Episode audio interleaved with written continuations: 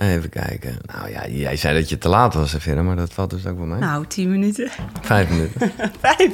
Vijf minuten. Ik hou van stipt. Ja, nee, oké. Ik zat in mijn auto en denk, nou, te laat komen lukt mij gewoon niet. Ah, Oké, dus dat was een ding. Ja, ik twijfelde dus nog heel erg of ik, of ik thee ging drinken. Omdat ik gewoon wel echt een beetje door, door jouw informatie en jouw boeken heel erg zoiets had van... Ja, maar ja, dat heeft allemaal wel invloed ook over hoe ik me voel. Dus is het dan nog wel puur wie ik ben of, of is het de theïne, cafeïne, weet ik veel.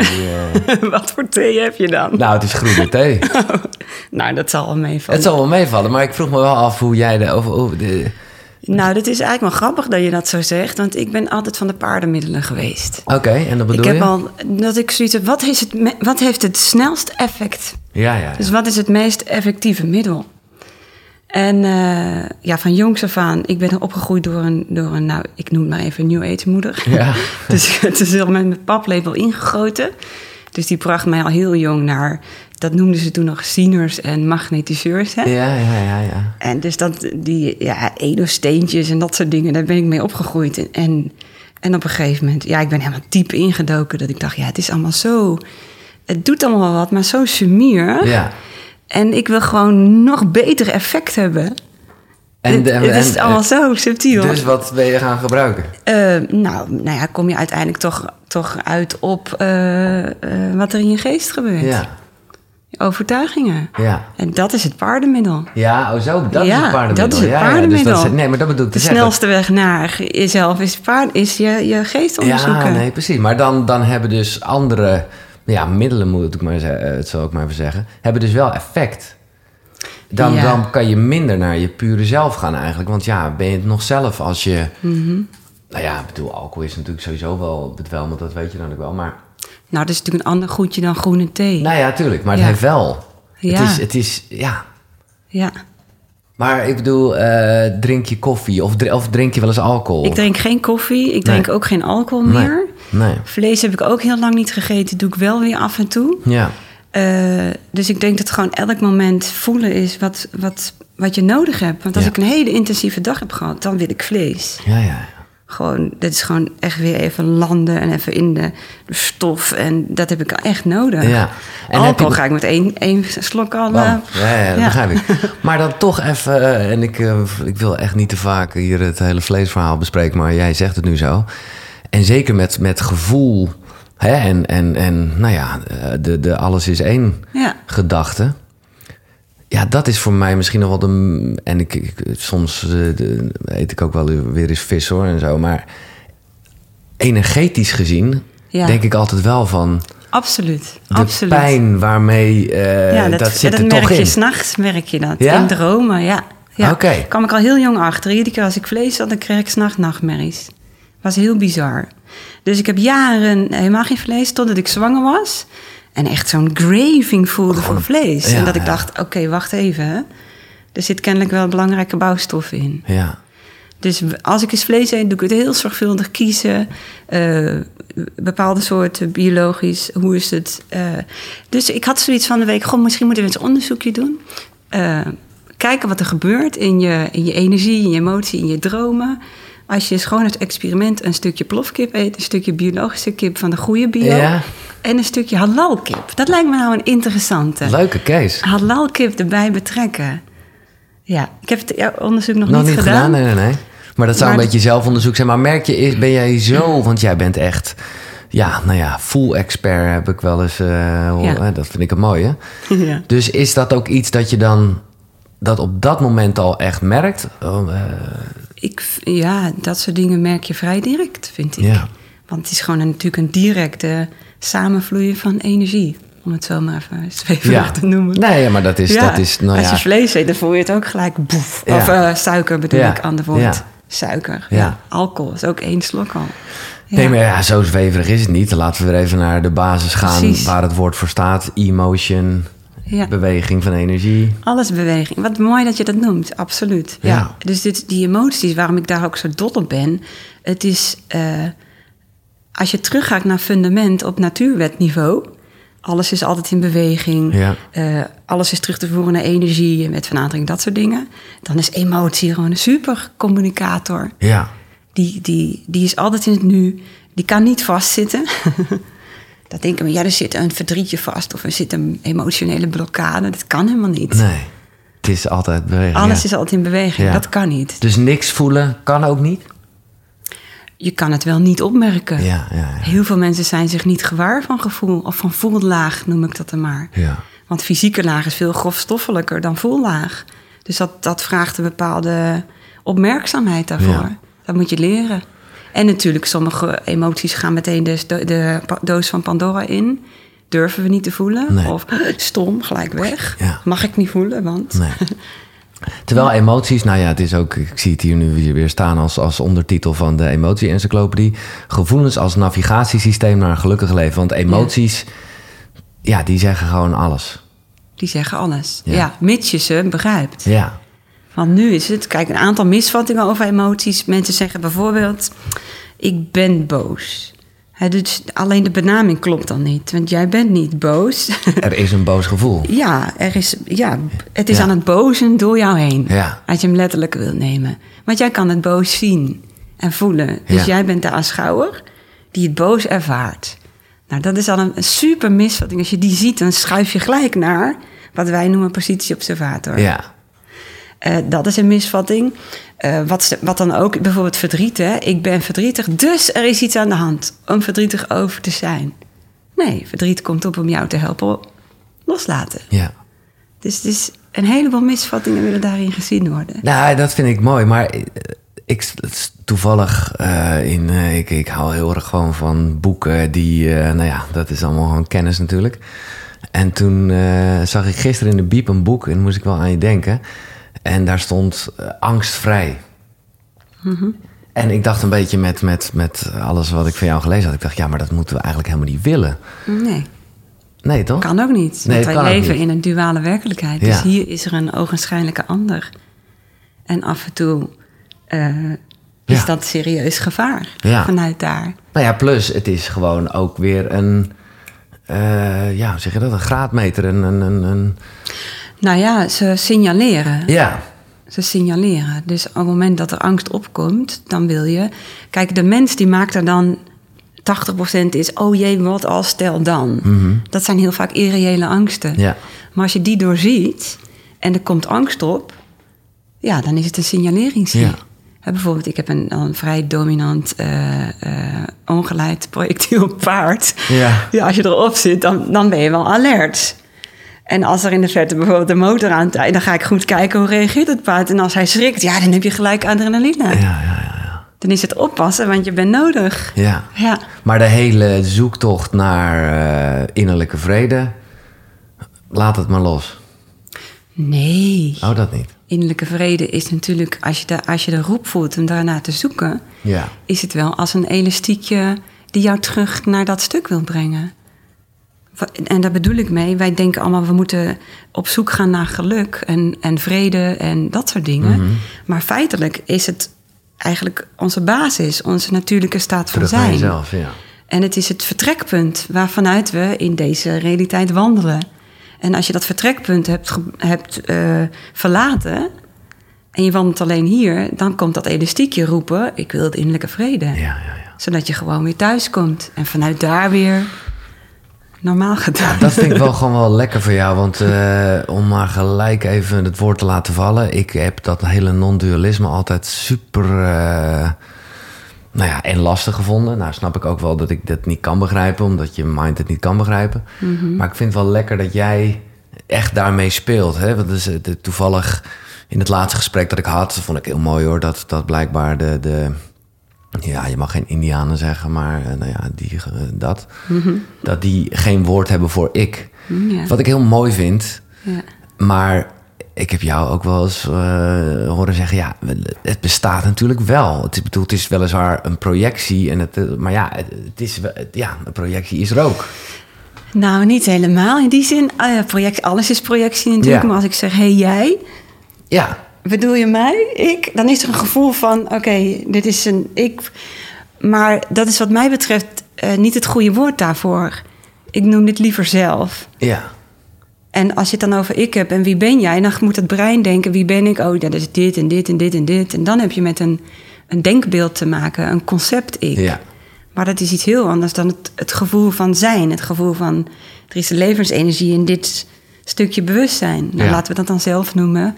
Of in de volksmond ik. Maar Nee, tuurlijk. op dat zit natuurlijk die non-dualiteit. Ja, maar, en dat, eh, maar dit, dit is altijd zo eh, Ja. eh, oorlog in mijn hoofd. ja, dat snap ik. Omdat, nou ja, het, om, ja, het bestaat dus wel. Het ik bedoel je, Ja. het zelf. Ja. In ieder geval in onze realiteit. Dat het is een ik. beleving van Dat ik. bedoel ik, ja. Als ik jou in je arm knijp, dan voel je het ook. Ja, Ja, dus dat maakt het... Ja, wat, je, wat je merkt, dat inderdaad die hele Advaita-discussie... er is geen vrije wil en er is geen ik. Mhm. Nee. Wat ik vaak zie, en die discussie moet je gewoon niet aangaan... want die win je toch nooit. maar wat je dan ziet, is dat het heel vaak mensen zijn... die een stukje buiten de wereld zijn gaan leven... omdat die wereld gewoon te... Ja, moeilijk of zo. En we Ja. gaan er gewoon een afstandje van, want hij is er niet. nee. En dat is dan zo'n... wat Paul Smit dan mooi zo'n Advaita-shuffle noemt, hè? En we doen niet mee. Nee. En ik hou van het leven, want we zijn het middelpunt ervan. En Ja. het is, ik zeg wel eens, die dualiteit is gewoon de leukste realiteit. Het is gewoon, gewoon het mooiste stukje van de hemel. Hè? Ja. Nee, maar echt. Het is En gewoon maar dat, ik vind het echt mooi dat je dat omschrijft. En soms kan het je dat wel eens een soort rust geven. Want dan zit je helemaal in die rol van observator. Maar eigenlijk zou je kunnen zeggen... Ja, is dat dan toch weer het ego wat in die rol van observator zit? Want dan is dat gewoon een soort, soort houvast. Tuurlijk, een Ja. stukje van spannend. Hè? Wat ik Ja. wel eens doe met mensen is een oefening. Als je bijvoorbeeld een, een kadertje van je handen maakt. Ja. En dan kan je zo die buitenwereld zien. En als je die langzaam dichterbij haalt. En je blijft er voelend bij. Mhm. En dan op een gegeven moment komt die dichterbij. En dan voel je het kader veranderen. En dan word jij eigenlijk onderdeel van de wereld. En dat mensen die op een afstandje willen zijn, die, die, die merken angst. Als dat kader wegvalt. Dus daar kan je die Shuffle in testen. Ja, leuk. Ehm, wat ik wel, want de, de emotie-encyclopedie, het is dus ook echt een encyclopedie. Het is machtig mooi hoe Ja. nou ja, jij dat in kaart gebracht hebt. Eh, nou ja, acht verschillende emoties met allemaal Emotiegroepen. emotiegroepen. Ja, precies. Nee, heel goed. Dat is een goed verschil. Ja, dat is het eh, absoluut. Eh, en, en daarbinnen heb je dan dus, en dat heb je helemaal gewoon zo in, in frequenties neergezet. Ja, je gaat natuurlijk gelijk op zoek eh, naar, oké, waar heb ik wel eens, eh, waar, waar word ik wel eens door overdonderd? Ja. Maar ik merk dat ik het heel moeilijk vind om te definiëren. Want waar ik ja, last van heb of wat mij overkomt. Ik wist dan niet, ja, is dat mur? Is dat apathisch? Is het versteend? Is het bevroren? Is het... Nou, gevoelloos is het dus niet echt, maar dat is wel soms een beetje... de- weet je, het is dan... Ja, maar als ik jou zo hoor, dan is het allemaal emotiegroep verbazing. Is dat, ja, is dat allemaal wel verbazing wat ik nu zeg? Wat je mij- allemaal opnoemt, is allemaal verbazing. Ja, ja, oké. Ja, dus eh, eh, hier zijn ze allemaal, en dat hoor ik vaak, hè, dat ze het best moeilijk vinden welke is het exact. Ja. En er zit natuurlijk zeker verschil in, afhankelijk waar zitten ze op die ladder. Hè? Dus helemaal onderaan de emotieladder, dan zijn het die krampende emoties, de nare emoties die wij als negatief bestempelen. Die aangeven, oké, je bent nu gewoon echt van het padje af, Ja, uit verbinding met jezelf. Ja. En hoe hoger op de ladder, hoe meer je in verbinding met jezelf bent. Dus Ja. als je bij mij bijvoorbeeld die opleiding doet, dan leer je gewoon helemaal van binnen en buiten. Wat is nou de functie van zo'n emotiegroep? E- Even nog niet afhankelijk van waar die zit, hè? Wat is nou de functie? Wat wil het jou zeggen? Ja. En het doel is jou hoger op de ladder te brengen, ofwel dus dichter in alignment met jezelf. Ja. En wat je nu allemaal noemt, dat heeft puur te maken met dat er informatie binnen is gekomen die gewoon eh, echt even op een plekje moet vallen nog. En Maar ik vind het dus juist moeilijk, omdat ik wel aan het leren ben dat het hier erg over gaat. Inderdaad, Mhm. verbinding met jezelf en, en, en, en gewoon even goed voelen wat er is. Omdat dat, nou ja, een, een, eh, een aanwijzing is. Ja, Alleen, ja, dat is dan wel mooi, eh, het, het verneukeratieve eraan. Dat is dus juist het probleem, dat je dan even niks voelt. En Ja. echt, nou ja, voor mij is, is, is Ja. versteend of bevroren vind ik nog wel de beste... Dat, dat ik dan gewoon echt denk Ja. dat dat er aan de hand is. En dat is logisch bij versteend en bevroren. Die zijn, die zijn onderaan ladder van angst. En, en het kenmerk daarvan is, dan ben jij er niet meer. Nee, Dus dan kan je ook niet meer waarnemen. nee. Dus maar hoe kan, je, hoe kan je dat doorbreken? eh, op dat moment met angst zorgen dat je niet helemaal onderaan de ladder komt. Eerlijk is eerlijk, want dan ben je er niet meer. Nee. Het is net als wakker worden. Als je, alsof je in de auto rijdt en je rijdt, rijdt en, en je gedachten zijn overal en nergens, behalve nu. En ineens zie je dat bord, oh ben ik al zo ver? Ja, En als je slaapt kan je niet wakker worden. Maar ben je eenmaal wakker, dan kan je kijken. Onderaan de ladder ben je er niet. Nee, maar goed, ik ben wel bewust van het feit dus, dat dat gebeurt. Want ik voel gewoon aan alles. Ik sla dicht, ik communiceer Ja. niet meer. En ik voel ook echt dan niet meer. Dan weet, maar ja, dan wil ik er wel iets mee doen. Ja, nou dat is al super. Als, Ja. je, het, als, je, het waarneemt, als je het waarneemt, dan ben je er al. Wat, wat dan nodig is op dat moment, is eh, één, eh, tijd nemen. Tijd eisen voor jezelf. Oké, ik ga terug naar binnen. Ja, ja. En het, het mooie is, eh Universiteit van eh, Leuven heeft het onderzocht. Een emotie, als je hem loskoppelt van het mentale brein, blijft maximaal 90 seconden aanwezig. Ja, dat is echt... eh, 90 ja. seconden. En dat is dan nog lang. eh, Ja. Want het kan wel sneller nog aanbegrepen. S- Veel sneller. Ja. Als je doorkrijgt hoe je moet loskoppelen Ja. en dan de emotie horen, ja, dan gaat een stukje zelfonderzoek natuurlijk. Wat is er gebeurd of wat heb ik gedacht of geloofd of... Maar ja, dit gebeurt en ik, ik, ik, ik hoor wat je zegt en dat is ook uiteindelijk wel de oplossing, een beetje naar binnen gaan. Maar ja, dit gebeurt natuurlijk in een, in een dialoog, in een, in een Ja. weet je. Dus, Ja. dus als ik, als mijn vriendin boos wordt, ja, dan wil ik niet niks zeggen of niks doen. Maar Nee. dat is wel wat me overkomt en vervolgens denk ik, oh ja, ik moet... eh, Precies. Ja, en als dit vaker gebeurt, dan weet je, oké, er zit een trigger die ik moet onderzoeken. ja, Maar mijn, mijn redmiddel op dat moment is, is tijd geven, erkennen aan dat je voelt wat je voelt. ja, En op het moment dat je erkent wat je voelt, wat je voelt, en je gaat er naar heen, eh, dan gaat die voorbij en dan ben je er over een paar seconden weer. ja. En dan kan je met bewustzijn respons geven in plaats van een emotionele reactie. Want die, als ze boos is en je wordt versteend, dan denk ik dat het terug gaat knallen. Tuurlijk, dat is, en Dat is dan de dat snap ik reactie. ook. Want ik, Ja. ik- maar ik wil, zou dan ook wel wat willen geven, maar ik weet letterlijk... Ik, ik, ik, ik weet ook echt niet wat ik moet zeggen. Echt, echt Ja, blank. ja. Vreselijk. Nou ja, dat zou mooi zijn. Ik ben blank, ik weet even niet wat ik moet zeggen. Ja, ja en, dan, en daar maar ook dan rust mee hebben dat dat zo is. Ja, want dan Ja. sterft de boosheid ook natuurlijk aan Ja. de andere kant. Want het, het wordt geen olie op het vuur gegooid. Nee. nee. Maar dit is, het is zo spannend om volledig, elke seconde, elke milliseconde, volledig oprecht jezelf te zijn. Ja, Maar dit is ook oprecht jezelf zijn. Laten zien, ik ben versteend. ja. En dat durven te zijn. Hmm, ja, ja, ja, ja. Nee, ja, ik, ik laat dit toch meewerken. en Ik, ik, ja, daar uiteindelijk leidt het ook daartoe. Maar het doet me een beetje denken aan... En dat is het hoor, eh, wat jij nu zegt. Alleen soms is het dan zo dat je denkt... Ja, dat is ook lekker makkelijk, weet je. Oh, nou, het is een vertrekpunt. Ja, Het begin, elke verandering kan alleen maar vanuit acceptatie ontstaan. Dus als er al geen acceptatie is van wat je voelt, hoe moet het dan? ja. Maar ik heb hier bijvoorbeeld teruggetrokken in je cocon. Dus, eh, zit dan, die zit in angst. Dat En dan, ja... eh, ja, even kijken. Wat, wat wat las ik daar ook alweer? Dat ik dacht van, ja, hoe dan, weet je wel? Eh, namelijk, als je terug het bescherming heb je dat dan even nodig. Kun je opmaken of het fijn voelt of niet. Voelt het fijn om jezelf even terug te trekken. Volg alsjeblieft die flow en maak je geen zorgen of het wel goed is. Ja, dat is precies waar we het nu over hebben. Hè? Voelt het niet fijn, maar bevroren. Trek jezelf dan uit de angstige situatie, zodat je weer terug kon komen. Ja, oh ja dat was het. Dat ik dacht, ja. Uit een noodsituatie. Ja. ja. Ja, dat is natuurlijk onderaan de ladder van angst is lastig. Dan heb je eigenlijk een derde persoon nodig. Is een hele lastige emotiegroep. Omdat jij er niet meer bent. Nee. Dus is die noodsituatie groot en jij bent er niet, dan krijg je dus niks. Ja, gratie. Ja. hey, Hopen dat ze stopt. Ja, nee, ja, precies. Nou is de laatste eh, en eh, misschien ook wel de meest fascinerende... en ook gewoon, nou, daar gebeurt nogal wat... is eh, schaamte en schuld. Ja, Hebben die überhaupt een functie? zeker. Ja? Zeker. Dat is het materiaal, eigenlijk het materiaal waarmee je eh, creëert. Het, het schept een kader waarbinnen jij je denkbrein focust. En met focus kom je tot manifestatie.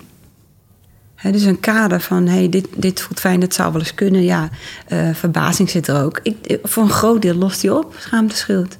Maar het is het zetten van een kader. Ook als je opgroeit bijvoorbeeld, dan geef je kinderen een kader. Hè, dit is netjes gedragen, dat is niet Ja. netjes gedragen. Hè, dit- dat is ook een, een ontwikkeling van je ik... die in een bepaalde leeftijdsfase nodig is. Ja, ja, ja, ja.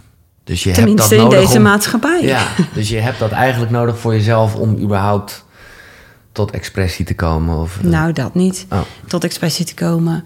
En ik denk dat het absoluut als deze maatschappij anders was... dat er, dat er schuldschaamte overboord kan. Ja. Zie je ook bij de dieren, kan het ook overboord. Nou ja, Hij daar, hangt heel erg om zelfbewustzijn heen. Maar zodra wij niet doorhebben dat wij zelf zijn in plaats van ik... is het wel handig eh, om elkaar te hebben. Mhm. Dus eigenlijk vooral voor de niet bewuste mensen. Maar heb jij, eh, herken jij, ken jij ook schaamte en schuld? Eh, zelden eigenlijk. Ja, dat dacht ik al. Zelden. Nice. Ja. En op een gegeven moment dan ga je er los van komen. En dan, ja, dan merk je ook dat, dat je geen complimentjes nodig meer hebt. Nee. Omdat het eigenlijk precies hetzelfde is. Alleen de andere kant op. Dat voelt dan niet oprecht. Hè? nee. Nee, En heb Nee. je daar een soort kleine tip voor om... eh, zeker. ja? Om uit schuldschaamte te komen. Ja. En dat komt er ook wel een stukje onderzoek neer van wat levert het jou op? Thuis hebben we wel eens discussie. We hebben natuurlijk allemaal, allemaal eh, opgroeiende kinderen. Ja, dan, is kinderen je. dan willen ze hun gelijk hebben. En dan roep ik altijd, ja, wil je nou je gelijk of je geluk? Want als je gelijk wil, dit is het waar wat ik zeg, ja, dit is goed en dat is fout. ja. Dan ga je verkramping en Ja. dat is gewoon niet, niet fijn. Nee. Niet fijn. Ik heb het in periode gehad dat mijn vader overleed en dat wij, dat wij echt een enorme ingewikkelde situatie hadden met nou, wat de resten die achterbleven. Nou, extreme situaties eh, door een buitenstaander. Nou, ik zal er niet te diep op Nee, ingaan. nee, maar... Maar eh, dat mijn broer echt helemaal in die schuld ging en politie erbij wilde halen en van alles. En dat het ook van alle kanten niet klopte.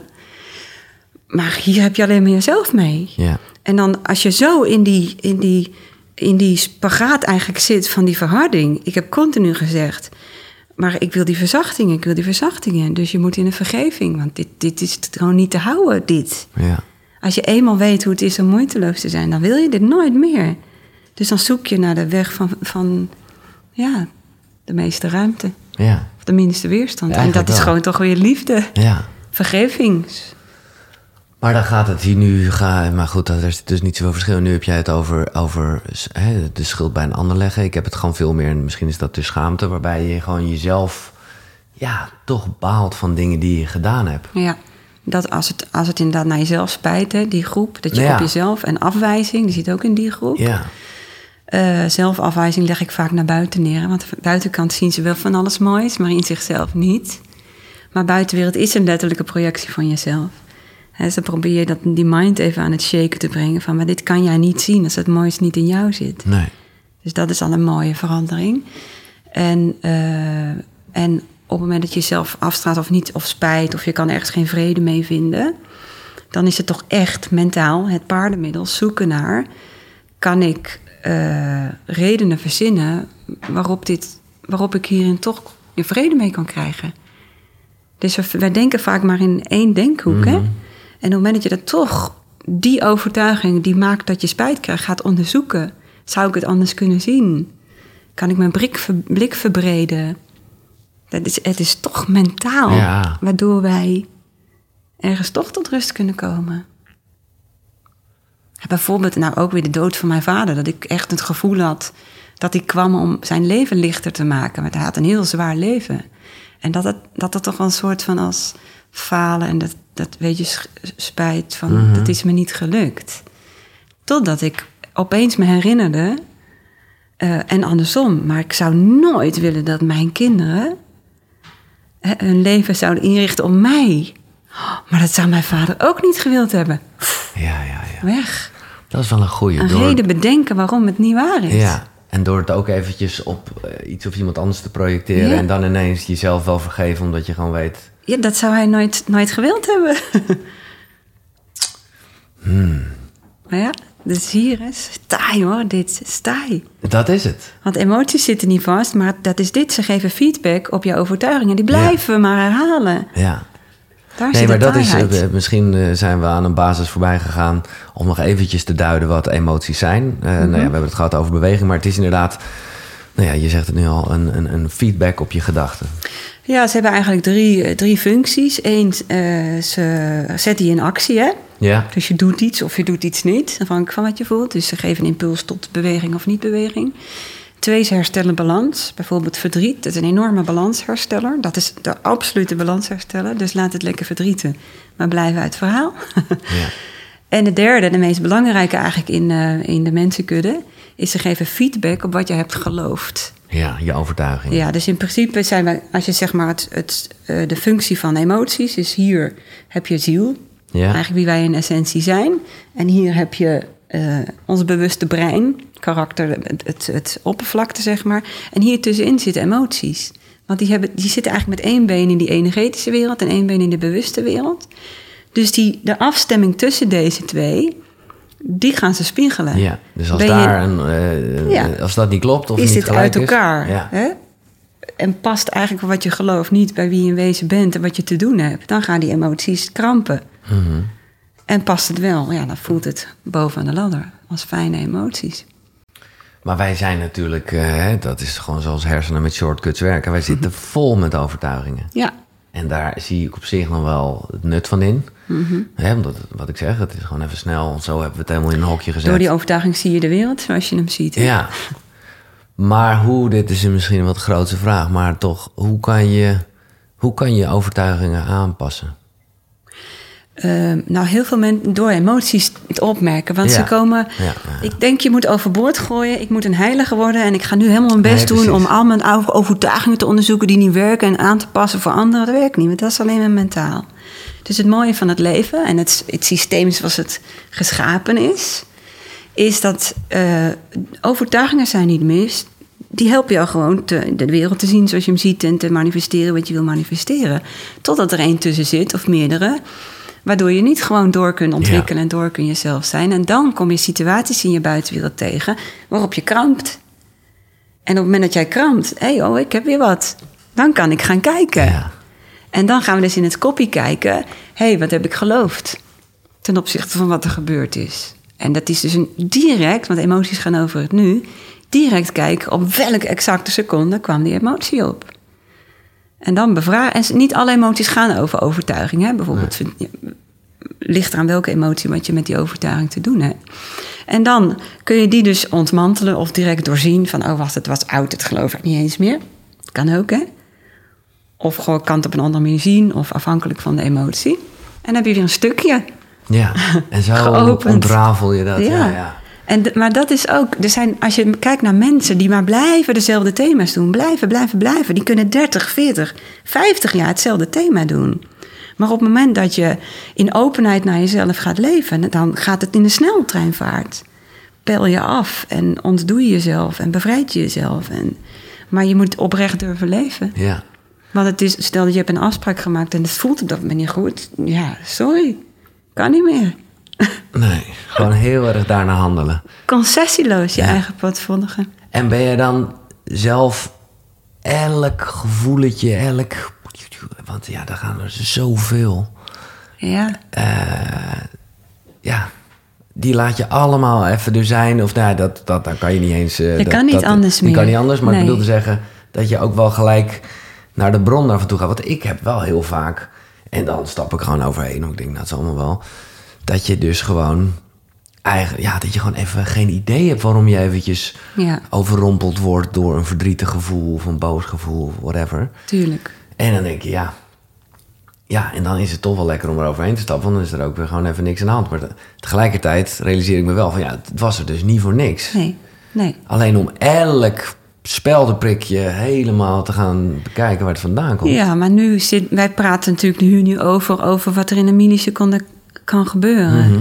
Dus als je hiermee gaat oefenen, dan kost het even tijd. Maar ik categoriseer niet eens meer als in, oh, dat is en dat Nee, betekent dat. dat is- je weet gewoon op een gegeven moment gewoon gelijk, oh, wacht. Ja. En ik stap ook wel eens over dingen heen als het niet handig is.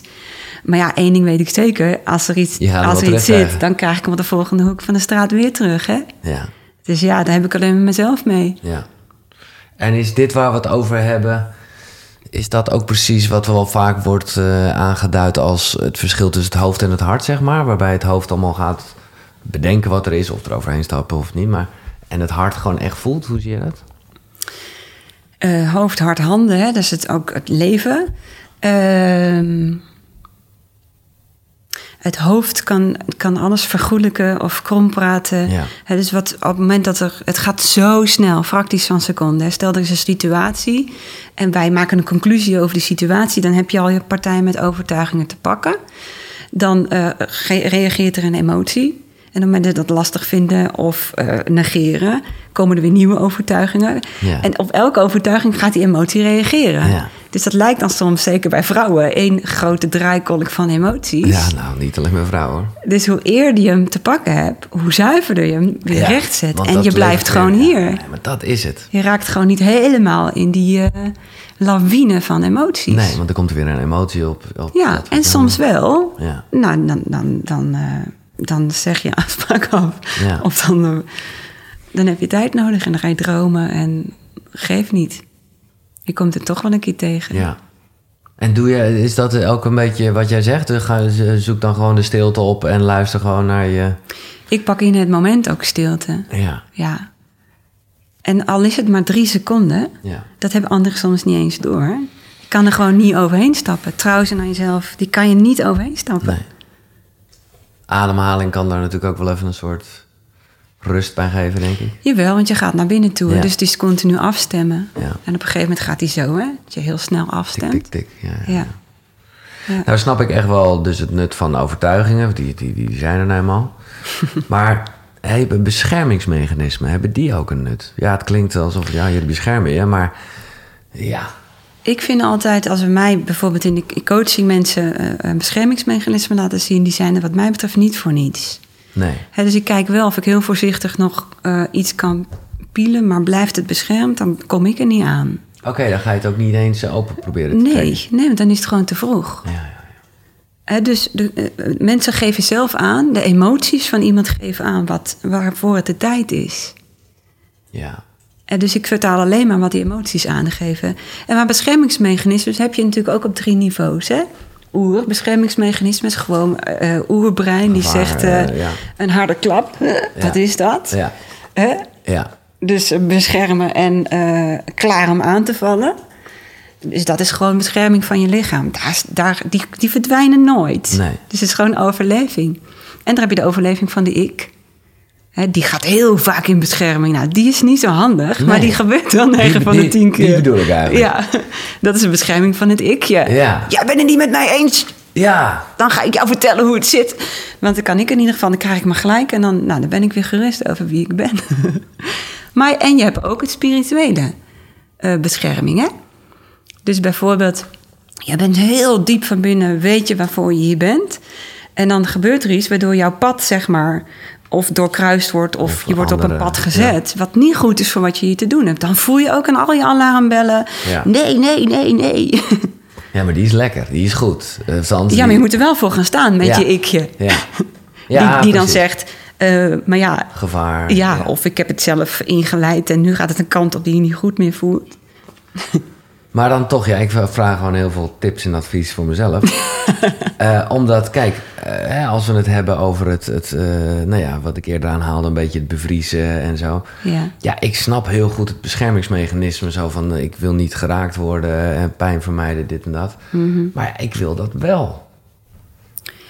Eh, je bedoelt pijn krijgen of je wil het aangaan? Ja. Ja, maar dat betekent niet dat je het per se op het moment waarin de noodsituatie is, hoeft aan te gaan. Nee.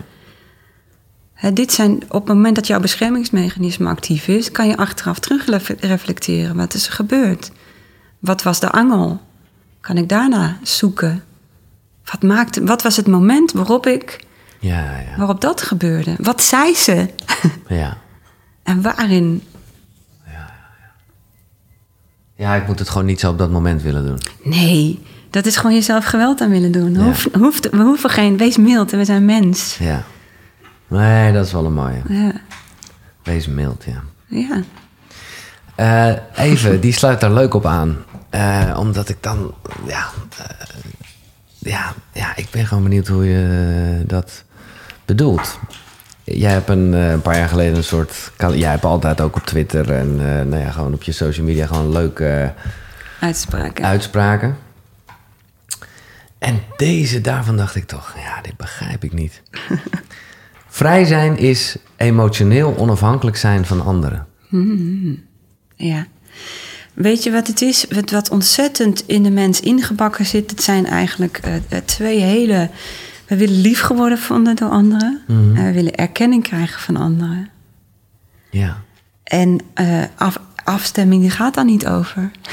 Dus dat moet overboord. Vrijheid is het overboord gooien van... Ja, liefgevonden worden. Denken het in de buitenwereld te kunnen halen, het geluk. eh. Maar dat is toch. Ja. Dat is de. bedoel. Dat, dat, dat is dan toch ook niet helemaal. Als wij allemaal gewoon eh, eigenlijk verbonden zijn en dezelfde energie hebben. En eh, eigenlijk je ik niet bestaat. Ja, dan kan je daar toch niet überhaupt los van komen. Laat staan dat je het wil. Maar er is iets heel anders dan eh, denken iets anders nodig te hebben... en daarna graven en Ja, grijpen en continu op geobsedeerd te zijn... dan te vertrouwen in, het, in, in wat wat aangegeven wordt, de flow te volgen... en ervan uit te gaan, alles wat ik nodig heb is altijd aanwezig. En dan is het er ook gewoon. Ja. En alles wat ik niet nodig heb, of wat niet aanwezig is, had ik kennelijk niet nodig. Nee. Nee, die staat snap ik wel, maar daarmee ben Dit toch... betekent niet, ik mag niet aannemen van anderen. Nee, precies. Dat, het voelt me voor mij een beetje alsof je juist dan geen verbinding hebt. Terwijl ik denk, Juist ja, maar verbinding. Ja, precies. Juist, maar oprechtere verbinding. Ja. Niet vanuit. Hoeveel relaties gaan niet over. eh, ja, hopen daar te krijgen wat Ja. je nodig hebt. Ja, En keuzes ook. ja. Maar daar gaat het niet over. De keuze mag gaan vanuit. Ja, zoals het voelt. Ja. Ja, het leven is, het is een soort van overgave aan het leven. Ja, Het gaat niet meer om wat wil ik, nee. Maar je gaat willen wat je krijgt. Ja, het is weer zo'n non-duale uitspraak, Nee, maar dat maar ga je dan beseffen. Ja. Nee, maar dat is het ook een beetje. Ik, ik, ik begin hem al wat meer te voelen. Ik snap wel de onafhankelijkheid. Mhm. Wat niet wegneemt dat, je de, dat, je, dat het dus wel degelijk een connectie is. Zeker. Ja, nee. We, zijn, we zijn allemaal verbonden met elkaar. Ja, maar dat, dat Ja. riep het een beetje mij op. Dat ik dacht, ja, Ja. emotioneel onafhankelijk zijn van Ja. anderen. Maar Dat, dat is- Dan zit je in je eentje in een hutje.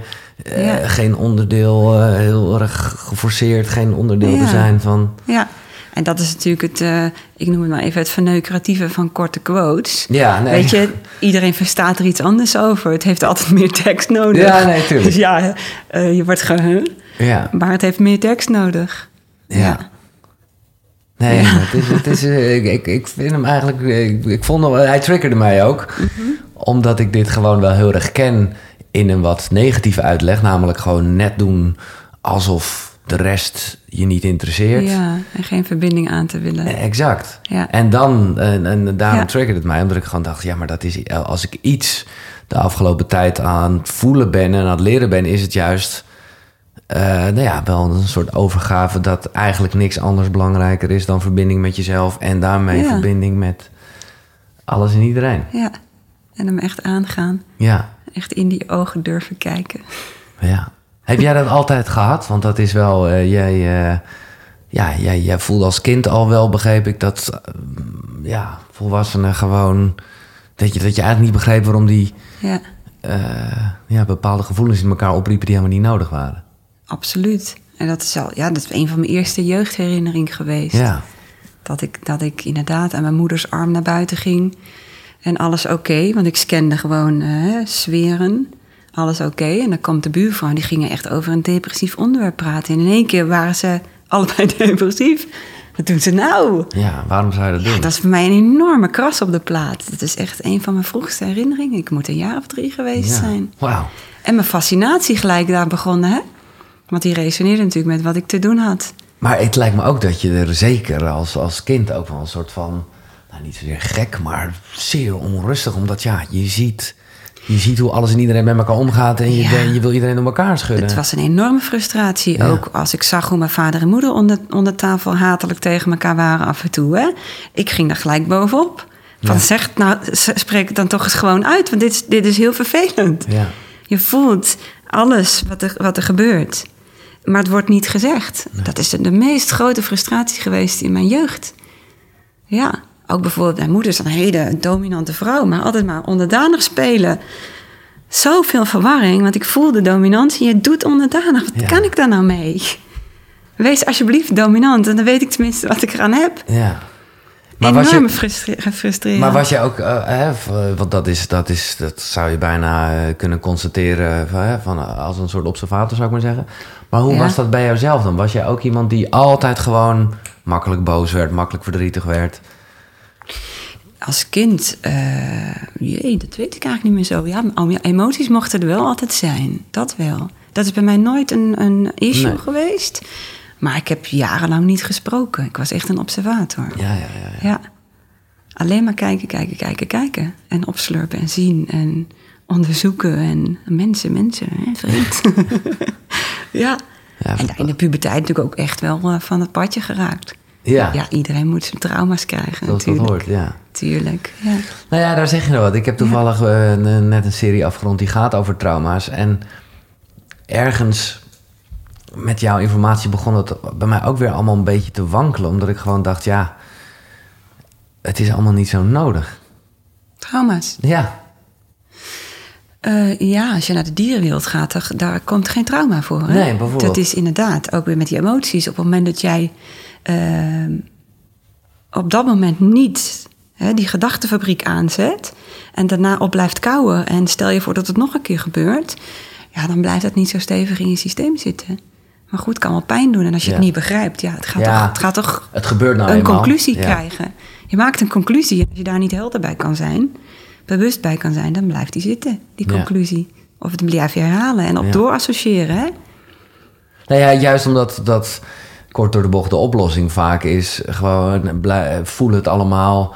En, en, en ja, ook weer hoe, hoe cliché het ook inmiddels klinkt, wees in het nu.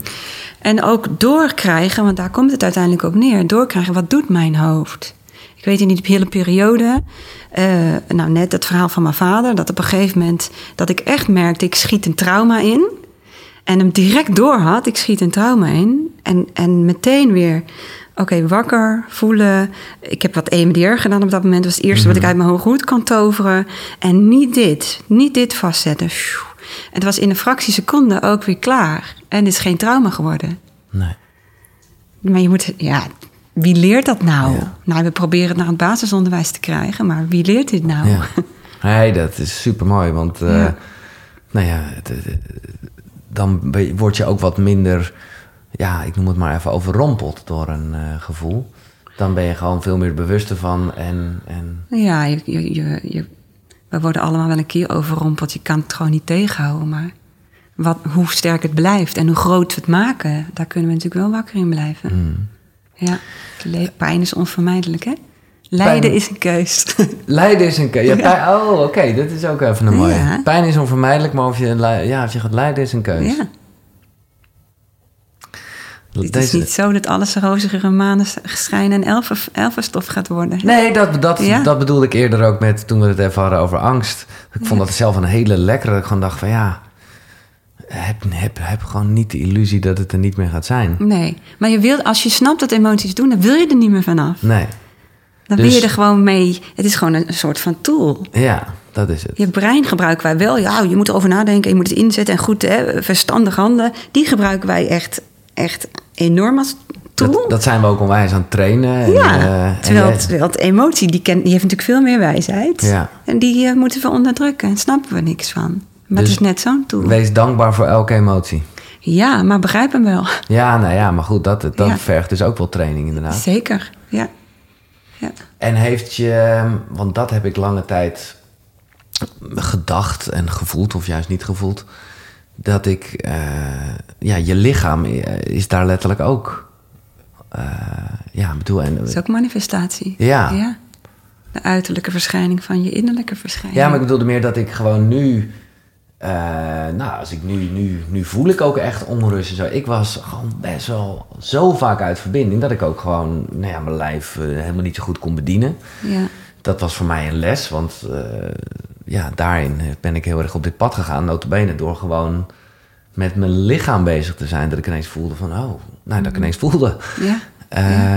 Dus, Ja. dus ja, het is het lichaam wel ja, een van de onderdelen om emotie te voelen?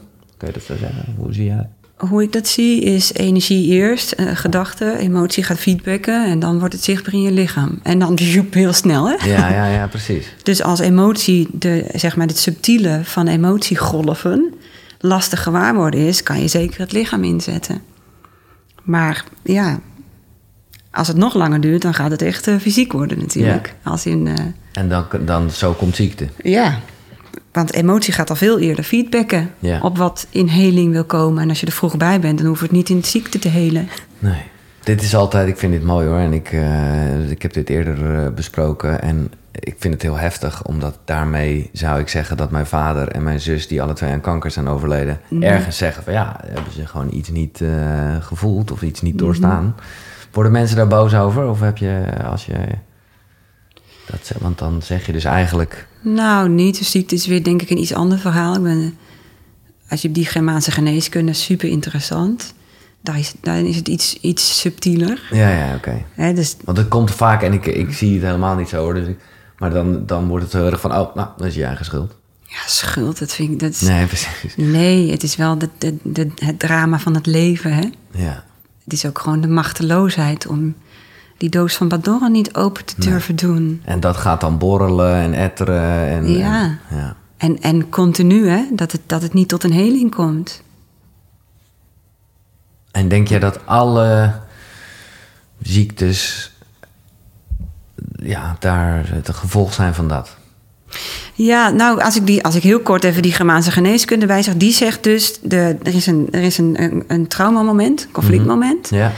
En dan gaat je lichaam eigenlijk heel goed eh, eh, zijn best doen. Dus dan is er helemaal nog geen ziekte.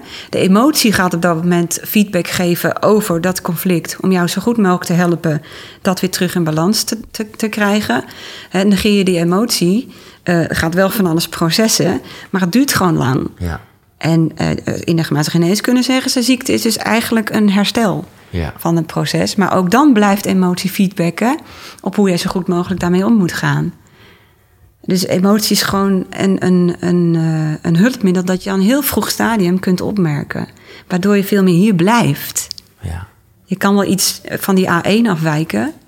Maar als je gewoon concessieloos naar die emoties blijft voelen en erop blijft processen, dan ga je niet heel ver. Nee. Ik ben heel benieuwd, ehm, want ik eh, heb aan jou en zoals aan elke gast gevraagd... welke drie boeken van invloed zijn geweest op jouw reis, moet maar Ja. zo groot te zeggen. Ja. Ben je eigenlijk iemand die veel leest? Of voel je Ik- alleen maar? Ja, in het verleden las ik heel veel, maar eigenlijk na mijn non-dualiteitsfase kon ik geen boek meer lezen. Nee, ja, dat ik, Ik heb, ja, want ik las alleen maar altijd informatieve boeken. Ja, Eh, Want ik wilde gretig alles Ja, leren. En op een gegeven moment gaat die sleutel om. En, en dan... Ja, op een gegeven moment... Ik weet nog wel dat ik in het bad zat met een boek van eh Papaji. En dat ik dacht, dat is grappig. Dat was na drie jaar las ik niks meer. En dat is grappig, dat vertel ik nu aan mensen. en, en ja. En dat was gek. Dan haal je het niet meer uit boeken. En na na verloop van tijd ben ik wel weer gaan lezen. Maar dat ga ik inmiddels die boeken vertellen. Oké, Want dat, de, de, dat proces werd eigenlijk reis. heel mooi zichtbaar... Oh, oké, doordat leuk. jij die vraag stelde. oké, leuk. Dat ik dacht, welke boeken zijn eigenlijk belangrijk voor mij geweest? Ja. Nou, dat was één, was deze. De opleiding van Overziel 7. Ja, dit is een heel oud boek. Dat las ik in mijn tienertijd. En eh, ik heb, nou ja, die New Age moeder vertelde ik. Hè, dus ik was er al heel vroeg bij. Ik vond het ook helemaal interessant. Is dit een, een fictieverhaal? Wat is Dit is een fictieverhaal Ja. geschreven door Jane Roberts van de Set-boeken. En Zeg maar niks hoor, ik, eh, zeg, ik knik, maar ik... eh, eh, vind je hartstikke leuk, denk ik. Oké. Eh, dit omschrijft eh, een, een, een ziel. En tegelijkertijd, eh, ik geloof drie of vier levens in verschillende tijden. Dus een ziel die in, in de drie levens Ja, leeft. ja, ja. En die dus iedere keer eh, eh, dat die verschillende levens, die gaan dan connectie met elkaar maken. Nou, het is met je brein niet te snappen. Nee. En wat er bij mij als kind gebeurde, was dat ik er gewoon, gewoon ook echt in een soort van parallel universe kwam. Gewoon echt gewoon een uittredingen kreeg en zo. En gewoon, gewoon fascinerend en heerlijk om in die tussenlagen te vertoeven. Dat deed dit. Dit maakt Want iets bepaalde lessen komen dan terug in verschillende levens. Precies. Ja, ja. En ook parallel aan elkaar. Dus waar het in het ene leven zeg maar, werd opgelost, dan werd het ook opgelost in een ander leven. Ja, dit was, dit was, hier was ik tiener dus. Hè? Ja. Fascinerend vond ik dit. Ik ben echt opgevoed met de, met de, met de reïncarnatie is gewoon een feit. in een gereformeerd dorp. Dus ik had een atheïstische vader die expres op zondag zijn auto waste. Ja, ja. en een New mama die mij meenam naar zieners. en eh, ik woonde in Barneveld in een gereformeerd Oh, dorp. ja, dus ik ja, was ja. eigenlijk heel vreemd. Ik was ook van de duivel daar. Ah, dit, dit, was echt, dit heb ik echt twee keer gelezen, omdat gewoon het bij mij dingen opende. Het is ook echt nog de, het originele boek wat je hebt te zien aan de kleur Ja. van... eh, Ja, dus dit was dit- eigenlijk het verhaal. Ik weet het niet eens meer, maar het triggerde bij mij continu iets. Ik, ik, kon, ik kon daardoor lijntjes leggen naar andere realiteiten of zo. ja. Het opende me. Op een of andere reden opende het mij. En wat zijn die, die setboeken dan? Eh, nou, dat, dat is zo lang geleden dat ik, dat ik het je niet eens meer kan Nee. vertellen. Ook Nee. zoiets. Nee, dat is mooi. Ja. Ik weet niet eens meer of het leverbaar is, want het is echt heel oud. Het staat hier een, een soort kopje mystieke verhalen. Ja. Mooi. Nou, en op een gegeven moment toen... eh, dat heeft echt ja, wel 15 jaar van mijn leven ben ik echt daarmee bezig geweest. Alles wilde ik onderzoeken. Ik was met 16 deed ik al een cursus Bach-bloesemremedies. Op mijn 17e Wat zat ik bij? Bach-bloesemremedies. En op mijn 17e zat ik in cursussen aura's lezen. Weet je, met allemaal oude mensen. ik was overal altijd de jongste bij. En niemand kende het nog. Ik was echt daar een, nou, toen echt een voorloper in. En mijn leeftijdsgenoten helemaal niet. Ik was heel vreemd. Ja. Want ik praat over dingen. huh? Maar ik vind eh, altijd, eh, maar dat is, het is altijd leuk om het over dingen te hebben die onze mind eigenlijk niet kan begrijpen. Mhm. Omdat we hebben het dan over vorige levens. Tegelijkertijd weten we dat er alleen het nu is. Dus, Precies. Ja, daar ben ik ook volledig op teruggekomen, eerlijk gezegd. Oké, nee, maar Ja. dat is mooi. Dat is, eh, Ik ben helemaal teruggekomen op het concept reïncarnatie. ja. Want het is een heel erg lineair concept. Wat, wat alleen maar hier bedacht ja. kan zijn. Ja, Dus het is, nee, als je eenmaal die non-dualiteit ingaat, dat is het tweede boek. oké. Dit is helemaal, helemaal eh, Helemaal... in bad eh, gevallen en ja, op de verwarming gedroogd. En, eh, fascinerend, de, De knie, knie van, van luisteren. luisteren. Dit is het autobiografie van Adida. Ehm, fascinerend. Dat was echt in die periode dat ik eigenlijk die New Age achter me liet en de nieuwe non-dualiteit ging verkennen.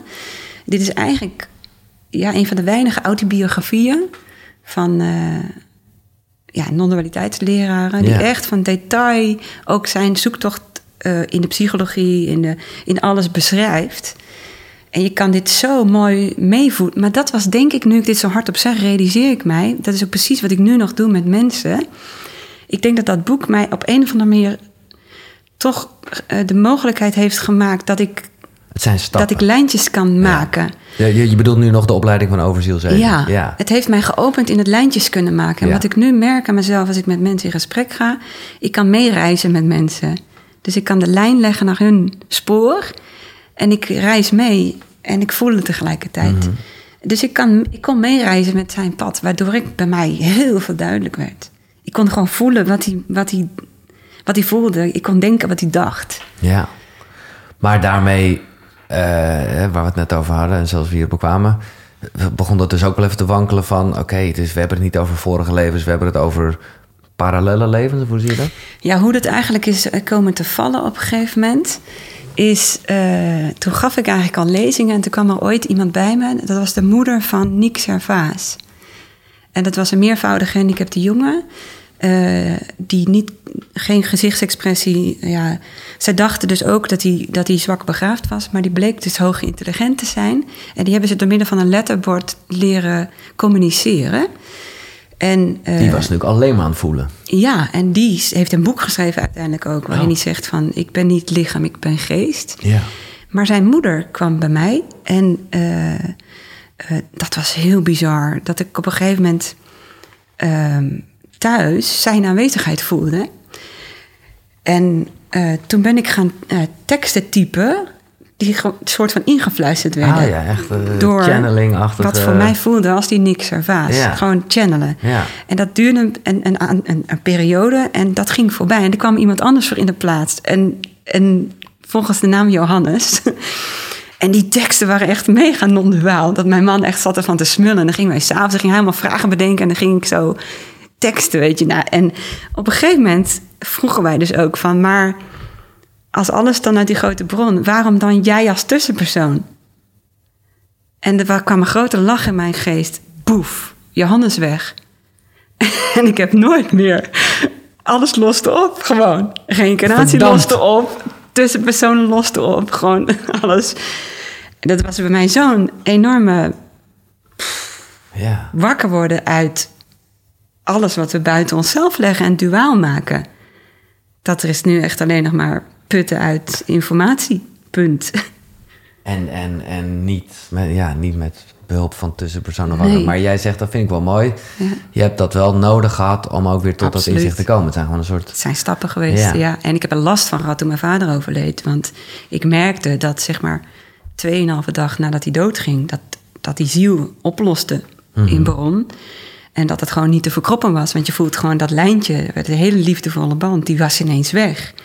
En direct erop ging mijn geest grijpen. Grijpen naar, naar de geest van mijn vader. Ja, ja, ja. En ik zag het gebeuren. En ik dacht, maar dit is wat mijn geest wil geloven. Ik doe het niet. Maar vervolgens is die opgelost. Ja. Maar ja. En dat is ook moeilijk te verkroppen geweest. Ja? Oh, wat grappig. Ja. Of althans, nee, sorry, En grappig. het tegelijkertijd is het... Ja, later realiseer jij... Ja, weet je, hij zit gewoon overal in jou en Ja, in je dat, bedoel- dat bewustzijn. wilde ik net En- zeggen. Of zo, van het is niet dat hij er niet meer is. In je gedachten Maar wel hij, het Ja, hij-concept is er niet. Nee. En dat is met je mind bijna niet te vatten. Dus ik kom ook gewoon niet graag aan heilige huidjes. Want mensen hebben dit ook gewoon nodig. Mhm. Dit is gewoon... Ja, dit, dit, dit, Ja. is, dit moet je aan toe zijn. Of Ja. zoiets, ik weet het Ja. niet. Misschien kom ik ooit wel achter dat het toch allemaal bestond. Dat dat ook, ja, of, Kan of ook. Dat, dat, dat je weer daarboven, dat dat ook maar weer een concept was. eh, Ja. Maar goed. Allemaal concepten. En het is niet erg om in concepten te leven. En, en ehm, hoe oud was je toen je dit boek las? Want ik zit er een beetje doorheen te bladeren. Het is me godsamme... pff, eh, nou, Kost, ja. ja, ja, ik denk begin 30. ja, ja, ja, oké. Ja. Tussendoor nog, tussen die boeken, nog een, nog een generatie. De Evenmeride wilde ik meenemen. Dat is, de, dat is een, eh, een tabellenboek waarin allemaal staat op welke planeet, op welke graden staan en zo. Weet je, op welke data. Ja, ja, ja. Ik heb me ook jarenlang verdiept in de, in de astrologie. Dat is weer die wetenschap. Dus Ja, dat, precies. is, dat is ook weer eh, overboord. Alleen als er iemand geboren wordt, dan wil ik dat nog wel eens Dan doen. eh, het. Maar dit kwam daarna. Nu is het eigenlijk ja, puur. Weet je, ik, op een gegeven moment is het echt puur energie geweest, non-dualiteit. En, en die emotie, dat is het waarom mensen bij mij komen van ongelooflijk. Het is zo simpel, waarom heeft nooit iemand eerder dat bedacht? Maar het is echt een, een completeren van de dualiteit en de eenheid samen. Want het zijn niet twee verschillende bijtende dingen met Nee. elkaar. En wet van aantrekking staat niet lijnrecht tegenover non-dualiteit. Nee. Het is, hoort echt bij elkaar. Ja. Het is vanuit het besef van non-dualiteit deze dualiteit zien als wauw. Nee, maar dit is een goede. Dit wilde ik sowieso al met je bespreken, want ik vind het heel lekker. Omdat dat inderdaad, dat lijken een beetje twee werelden. Ja, is niet zo. Eh, nee. Ja. Kijk, natuurlijk kan je, hè, dan, de, als je het non-dualiteit noemt, dan komt altijd dat hele vrije wilverhaal eh, erbij. Terwijl, ja, ja, dat, eh, en dus, dus zou vrije wil, hè, want er is geen vrije wil. En dus zou je niks kunnen manifesteren. Ja, dat is, ja, dat is, zo is het niet. nee, ik zeg altijd maar vrij en wil is, is een contradictie. contradictie. Ja. Dus wil en vrij, dat, dat past niet bij elkaar. Nee. dus ze willen inderdaad, als het over manifesteren gaat, eh, intentie gaat voorop. Dus intentie komt uit zielsaspect. Waarom was je hier? Dus dat is puur energie, dat heeft nog helemaal geen vorm. En dat wil je je vorm krijgen.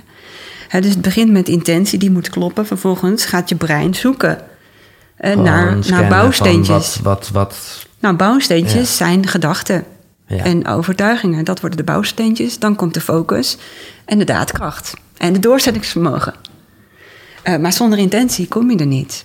Maar dat betekent ook dat je eigenlijk dus alleen maar kan manifesteren wat voldoet aan Zeker. eh, ja, een soort, eh, ja, Ja. noem je dat zielsmissie? Of wat? Zeker, want Ja. anders dan, dan, dan moet je een, hoe noem je dat? Eh vegen tegen de bierkaai. En dit lukt wel, maar met bloed, zweet en tranen. Tuurlijk, er komt vast wel iets. Ja, Want het heeft misschien overlap. Maar de mensen die echt, echt met gemak manifesteren... en ja, die magisch aantrekkelijk zijn... die hebben dit gewoon ja, begrepen. Ja. Ja. Man, ik ga eh, bepaalde dingen hier terugluisteren van dit gesprek. Ik hoop dat het allemaal nog een beetje te volgen is. Nou ja, laat ik nog even één ding. Want ja, taal is toch gewoon eh, waarmee wij dingen proberen te begrijpen. Ja.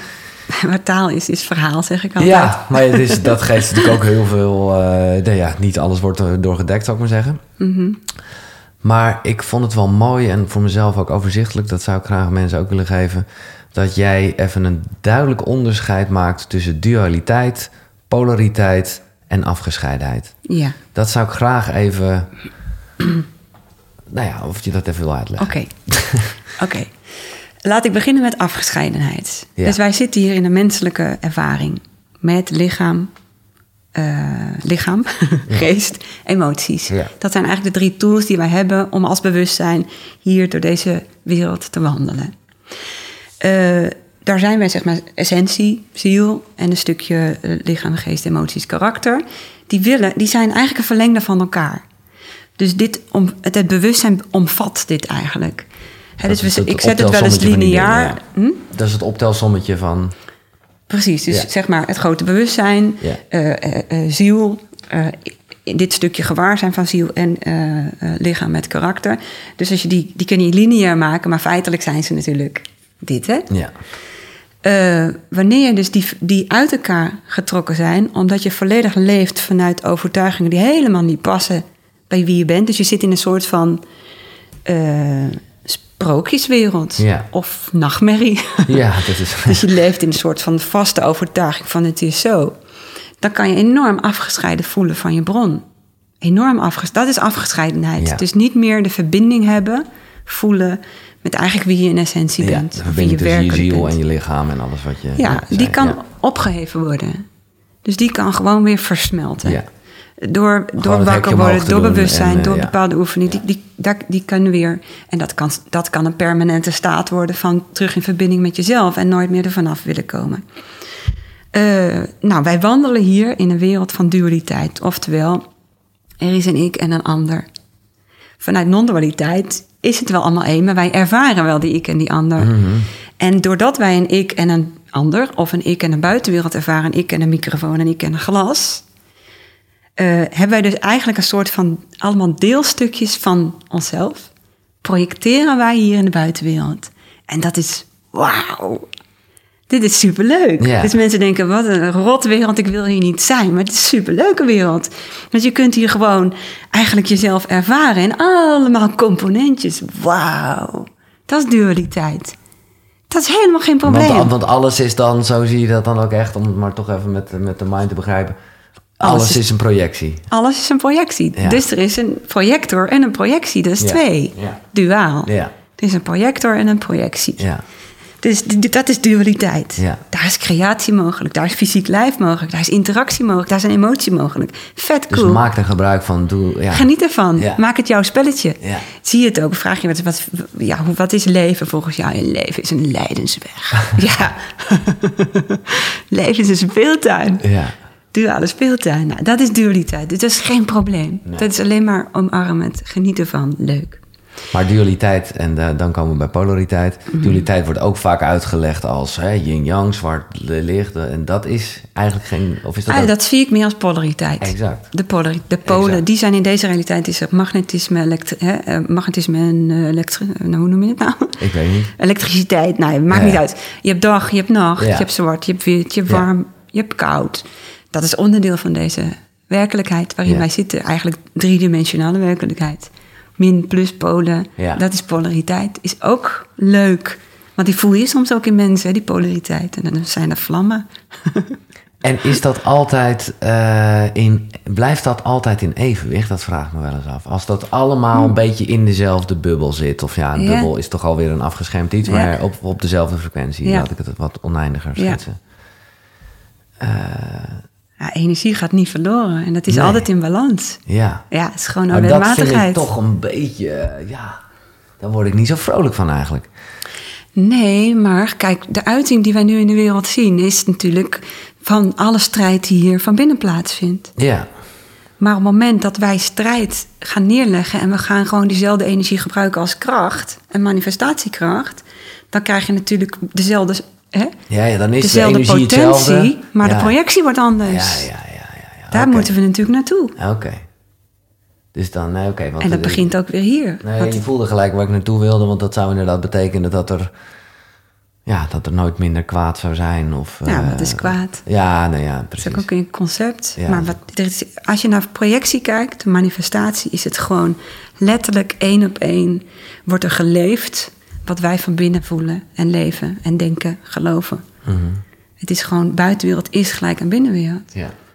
Dus dat, dat is ook het leuke van dit spelletje aan dualiteit. We kunnen naar buitenwereld kijken, kijken hoe het emotioneel reageert. En in de binnenwereld wat oplossen. En alle seconden verandert je buitenwereld. ja, want de buitenwereld, ik haal hem maar even, is een projectie van je binnenwereld. Ja, is een, is een directe manifestatie van je binnenwereld. Ja. Direct.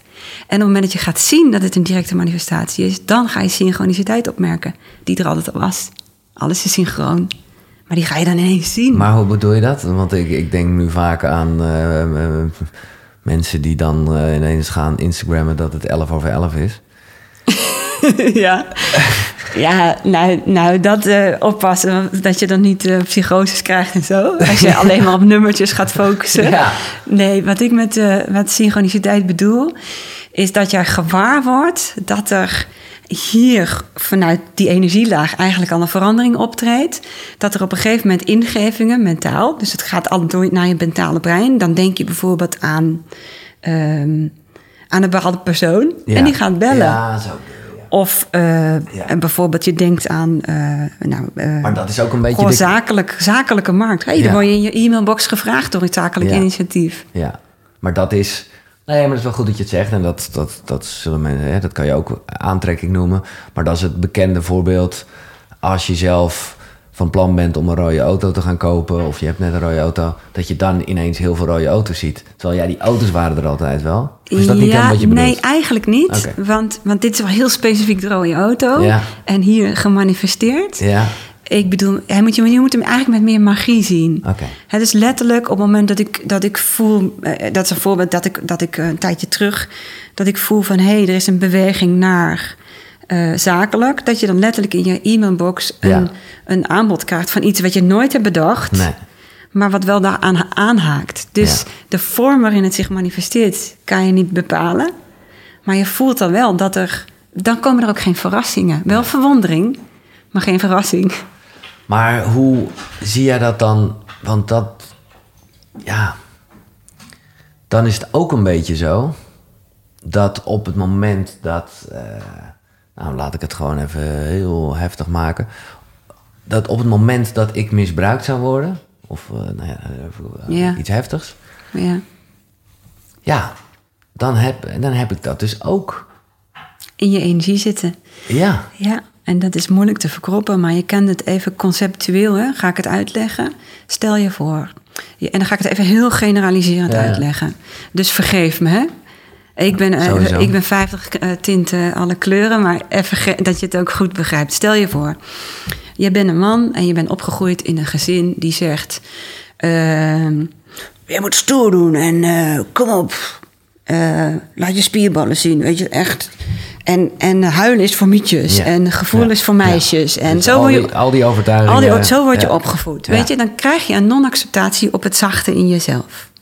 En dan leef je dit. Ja, In een ander gezin groeit een meisje op. ja, Die wordt opgevoed met... boosheid is niet voor zachte, lieve meisjes. Hè? En als je huilt, ach, kom maar liefje. Dus emotie is goed. En je moet volgzaam zijn. En je dienstbaar opstellen, dat doet een lief meisje. Wat een boze toe, dat doen we niet. Dus die krijgt een non-acceptatie op boos. Ja. En die gaat het hele zachte eigenlijk veel meer nog spelen. Nou, dan komen die mensen elkaar tegen. De een heeft een non-acceptatie op zacht en bunny. En de ander heeft een non-acceptatie op boos. Deze gaat die bunny projecteren, maar hij heeft een hekel aan. En deze projecteert angst en non-acceptatie ten opzichte van dat Ja, boze. ja. En die komen elkaars projectie tegen.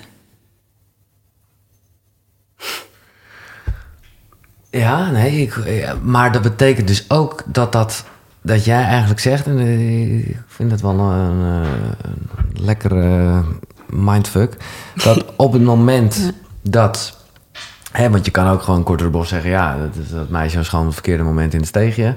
Ja, maar toeval bestaat weer niet. Nee, precies. Dus op het moment dat, eh, nou ja. En schuld hebben we niet over. Hè? het gaat helemaal dat voor begrijp ik buiten goed. schuld. Nee, nee, nee, dat, dat is goed dat je dat Dit is manifestatie. Ja, hoe manifestatie... En dit is super, het is schrijnend en vreselijk dat het gebeurt. Maar had, had dat meisje een andere soort opvoeding gehad en dus andere overtuigingen, Ja. dan was er ook wat anders gebeurd in dat steegje. Absoluut.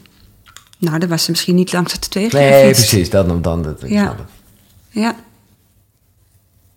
Ik op een gegeven moment hè, ben ik helemaal in, die, in dat afpellen van alles wat erin zat. En, en ook nare dingen meegemaakt vroeger Mm. op dat gebied. Ook weer eh, allemaal taboes in het gezin, hè, waardoor Ja. het vast is gaan zitten. Dus ik kwam ook dat ze die steegjes tegen.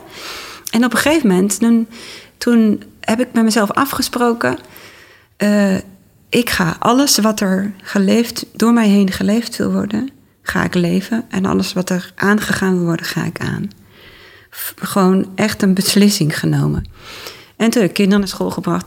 Toen nog, ik had nog een heel kleintje, geloof ik. En eh, nou, voelen, oké. En nu? Naar huis?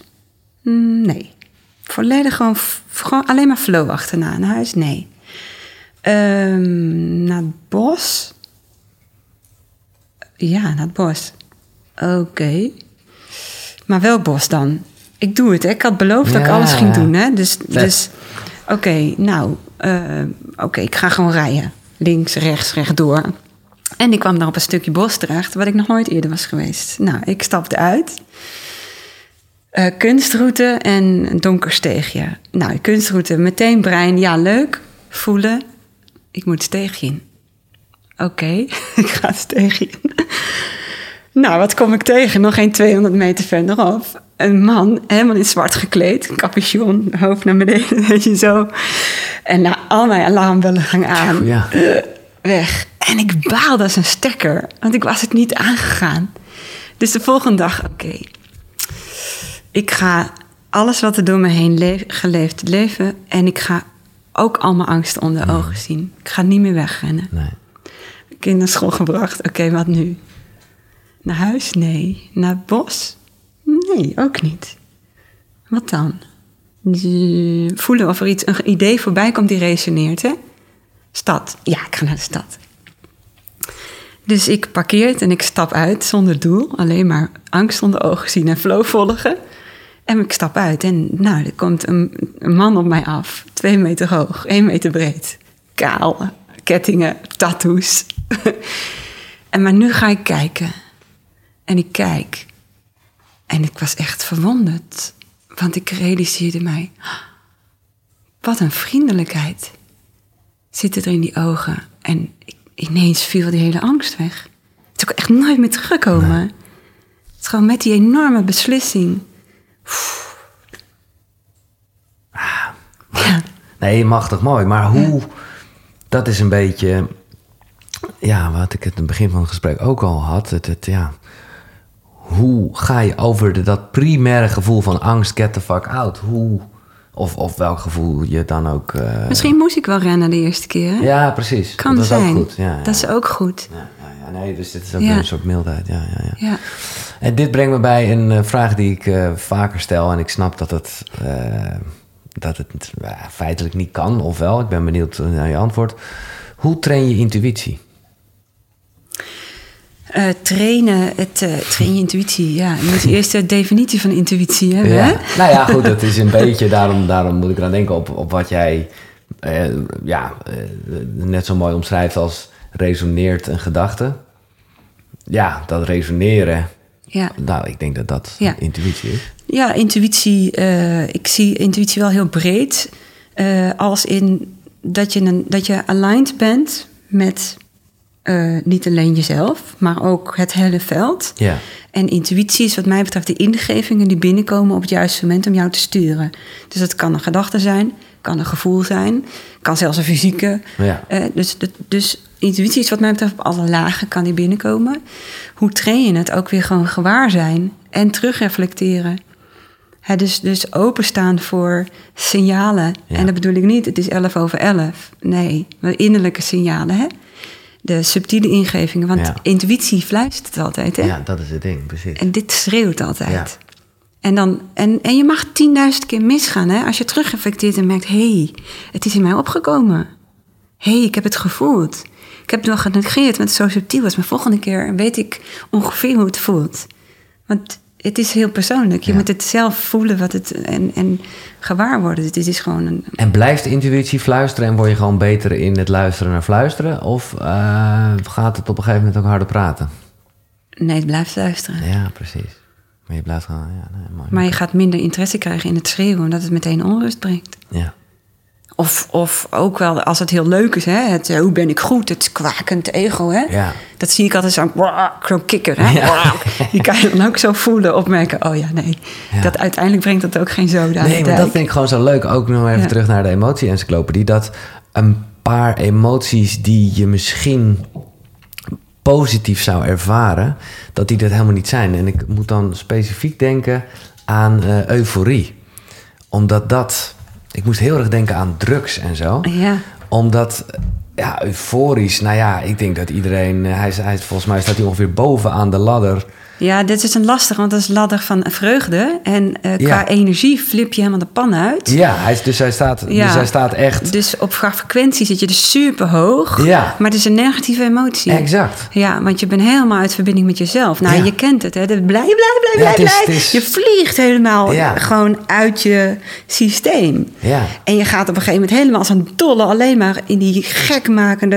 Ja, dat wil Ja. Ja, dat, dat, er, is, er is geen ik meer aanwezig. Nee. Euforie vertelt je dat je de bron van je geluk uit het oog bent geraakt. Het is, nou ja, dus uit verbinding. Uit verbinding. Ja. Dus dat is echt, nou ja. Ja, kijk, dat- die extase is, is dan, vind ik dan toch weer iets anders. Het extase is bijna een soort van, niet geen emotie, maar een, een status. Ja, een ja, ja, status, een staat van zijn eigenlijk. Ja, ja, ja. Nee, dat die, nou ja, de- je noemt letterlijk eh, de meest eh, laagste frequentie. eh, in jouw vreugdemeter, zal ik maar zeggen. Ja. Eh, en dat is dus, ja, je zou kunnen zeggen de meest positieve, om het toch maar weer even in positief en negatief Extase of euforie, we hebben het over. Nee, extase. Ja, extase, Extase is echt, onderaan eh, en, eh, zoals hij super fijnstoffelijk, maar volledig helder en overal doordringend, hè? Ja, Mind, emotie en lijf. ja. Hebben we nog een derde boek of heb je die Ja, nu snel ik heb nog een boek. Nee, oké, heel goed. De hele dikke, die moet ik meezeulen. Niet ik zoek het paard, het paard zoekt mij. Ja, want weet je waarom het zo leuk is? Eh, in de reeks, eh, in het begin echt helemaal in die, in die eh, eigenlijk duale spiritualiteit. Ja. Er zijn engelen en er zijn, dus eigenlijk duale spiritualiteit. Naar de eenheid, Ja. non-dualiteit. En op een gegeven moment dan heb je een soort van het leven uitgepuzzeld. En dan ben je gewoon weer Vera. Ja. En dan ga je gewoon weer boeken lezen om dingen, dingen te leren. Dus ik heb boeken verslonden over hoe leer ik paardrijden. En dit is, ik heb pas op mijn veertigste leren paardrijden. En, want het was ook zo'n visioen. Dat is een leuk verhaal trouwens, mochten we dan toekomen. Hoe zo'n paard op mijn pad kwam. Nou, ik ben benieuwd. En dit is een hele non-duale eh, horseman.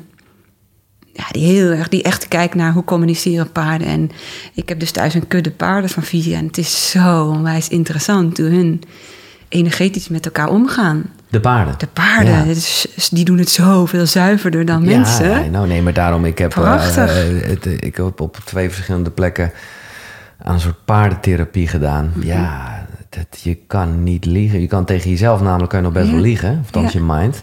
Ja. Maar eh, ten opzichte van een paard niet. Nee, nee, echt. Het is elke zo puur eh, gevoel. millimeter spiegelen ze terug. Dus dat zijn mijn leraren. Ja. Ja. je krijgt de leraren op je pad Ja. als je ze nodig hebt. Nou ja, jij bent, eh, jij bent wel een soort paard, denk ik.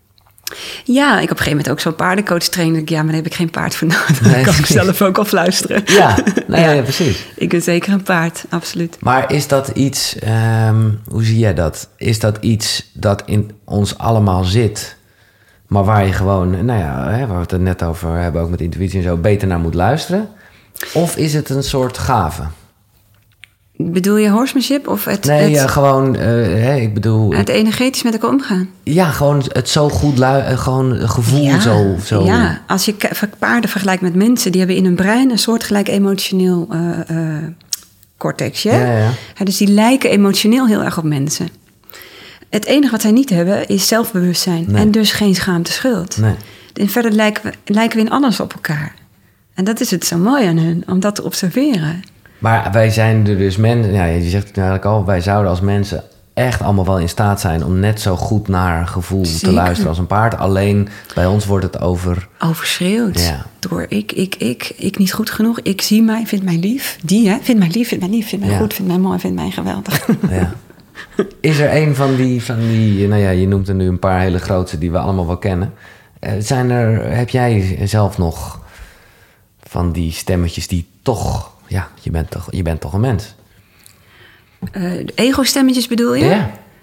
Eh, jawel, die komen wel eens. Ja. Die komen wel eens. En dat, dat, dat ban je denk ik ook niet uit, want we hebben zelfbewustzijn. Eh, maar het gaat erom dat je die snel opmerkt Ja. en snel voor kiest. Wat is, dient het mij, dient het een ander? Is het überhaupt dienstbaar Ja. of, of niet? Kan ik hem laten gaan? En dat is, vind ik eigenlijk, daar kan je ook een kick van krijgen.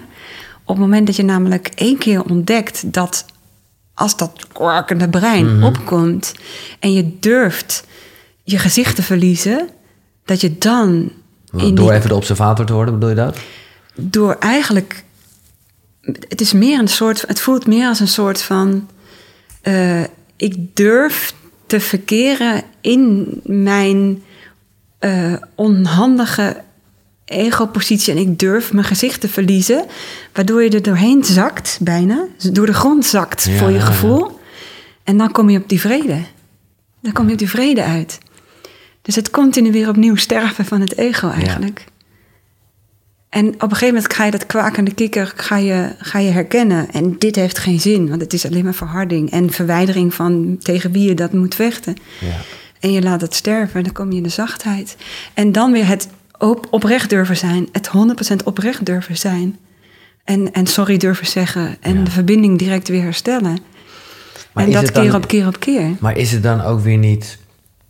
Dat, dat merk ik zelf dan wel echt. Die paar momenten die, die ik daarin dat echt heb gehad. En dat vond ik eerst heel angstig. En dan blijkt het een soort overgave te zijn. En dan... Nou, dan eh, Ja, Maar dat wil je... meer. eh, ja, dan wil je dat weer gaan vastgrijpen, weet je. Ja, dat is helemaal niet vast te grijpen. Nee, dat kan dus niet. En dan, Dus dat- dan, dan ga je er weer toch een concept van maken. Of, eh, Ja, en het is ook prima om het te begrijpen, zodat als je, er, als je voorstaat, dat je een keuze hebt, hè, bewust, dat je er bewust bij zit. Maar grijpen kan niet. Het is, Nee. een, het is een staat van zijn, een, een ervaring. ja. Ja. Maar het is heel simpel. Het is, het is op het moment dat jij bereid bent om volledig de verbinding aan te gaan. Het, stiekem, eh, stiekem eh, nou, nu, nu, ik merk dat het je opent, zeg maar, hè? Je Dit, bent- ja, hier, Ja, ja je opent nu. Ja, en je, had even, je, ging, je, je ogen wenden je steeds af. Ja. Ja, ja, ja. Maar nu je meer opent, durf je het contact aan. En Ja. dan krijg je weer die kick. Ja. Probeer maar eens. Ja. Mooi. Shit, jongen. Maar jij, ja, jij voelt dus dit ook weer als een malle. ja. Ja, vind ik heel bijzonder. En dan, dan, eh, ja, het gewoon, eh, dan wordt je ook weer ingegeven. Wat is het juiste moment om daar eh, in interactie mee te gaan. Hè?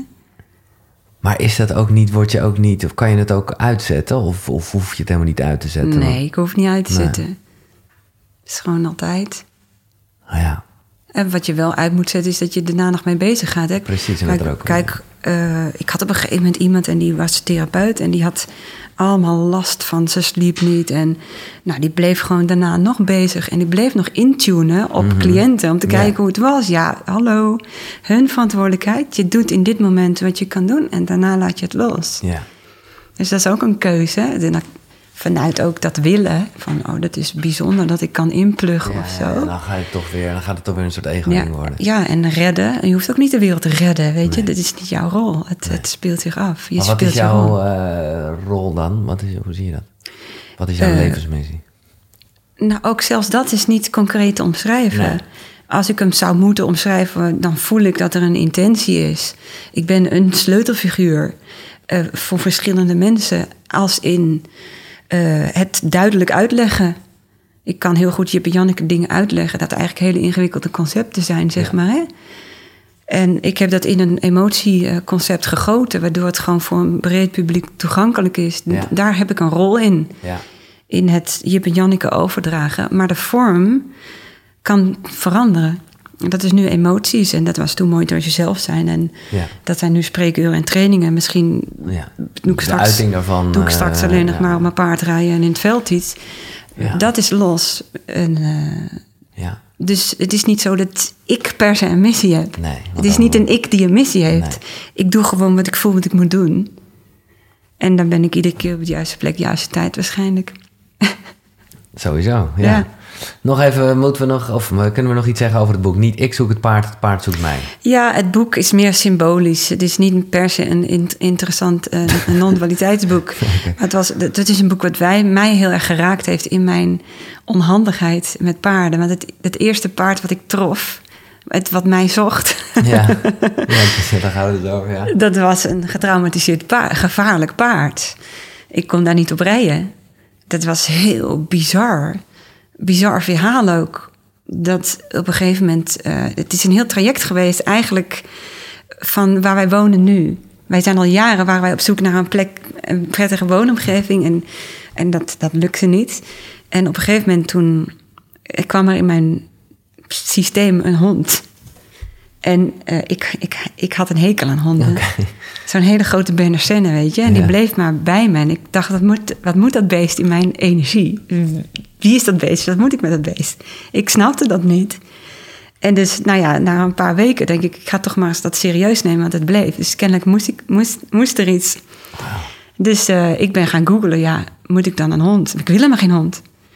Laat staan een, een reu, want ik wist precies, het was een Senner, het was een reu en hij had een naam, hij heette Bodhi. Dat had je allemaal... Dat wist ik, ja. Dus toen op een gegeven moment kwam ik bij een fokker terecht. En ja, hoe gaat dat dan als je een hond wil, hè? hoe gaat het als je Ja. wil? Ja, ik heb toevallig een zwangere teef, zei ze. Dus eh, wil je een reu of een teef? Eh, wacht even, ik wist nog niet zeker of ik dit wel wilde. En ik, ik zag mezelf tikken. Een reu. Nee, Ja. niet een reu, want een reu wil rijden. Oké, nou ja, toen, toen hadden we dus een hondje besteld. En dat bijzondere was, die, teu, die teef had zes puppies gekregen, vijf reuwen en één teefje.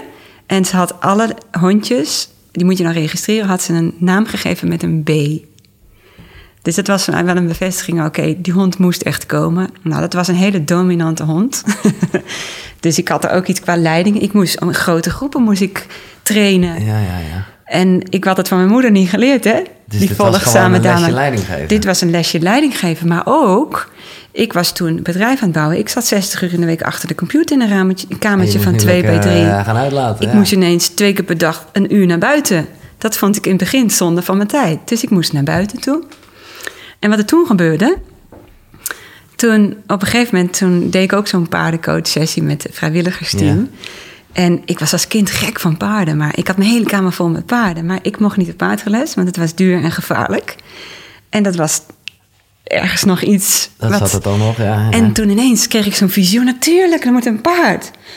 En, ah, maar hoe, moet, hoe kom je dan aan een paard? En wat is dit nu weer? En mijn man gelukkig, de schat, die zegt... ja, maar zo gaat het toch altijd bij jou? Dan moet je gewoon volgen.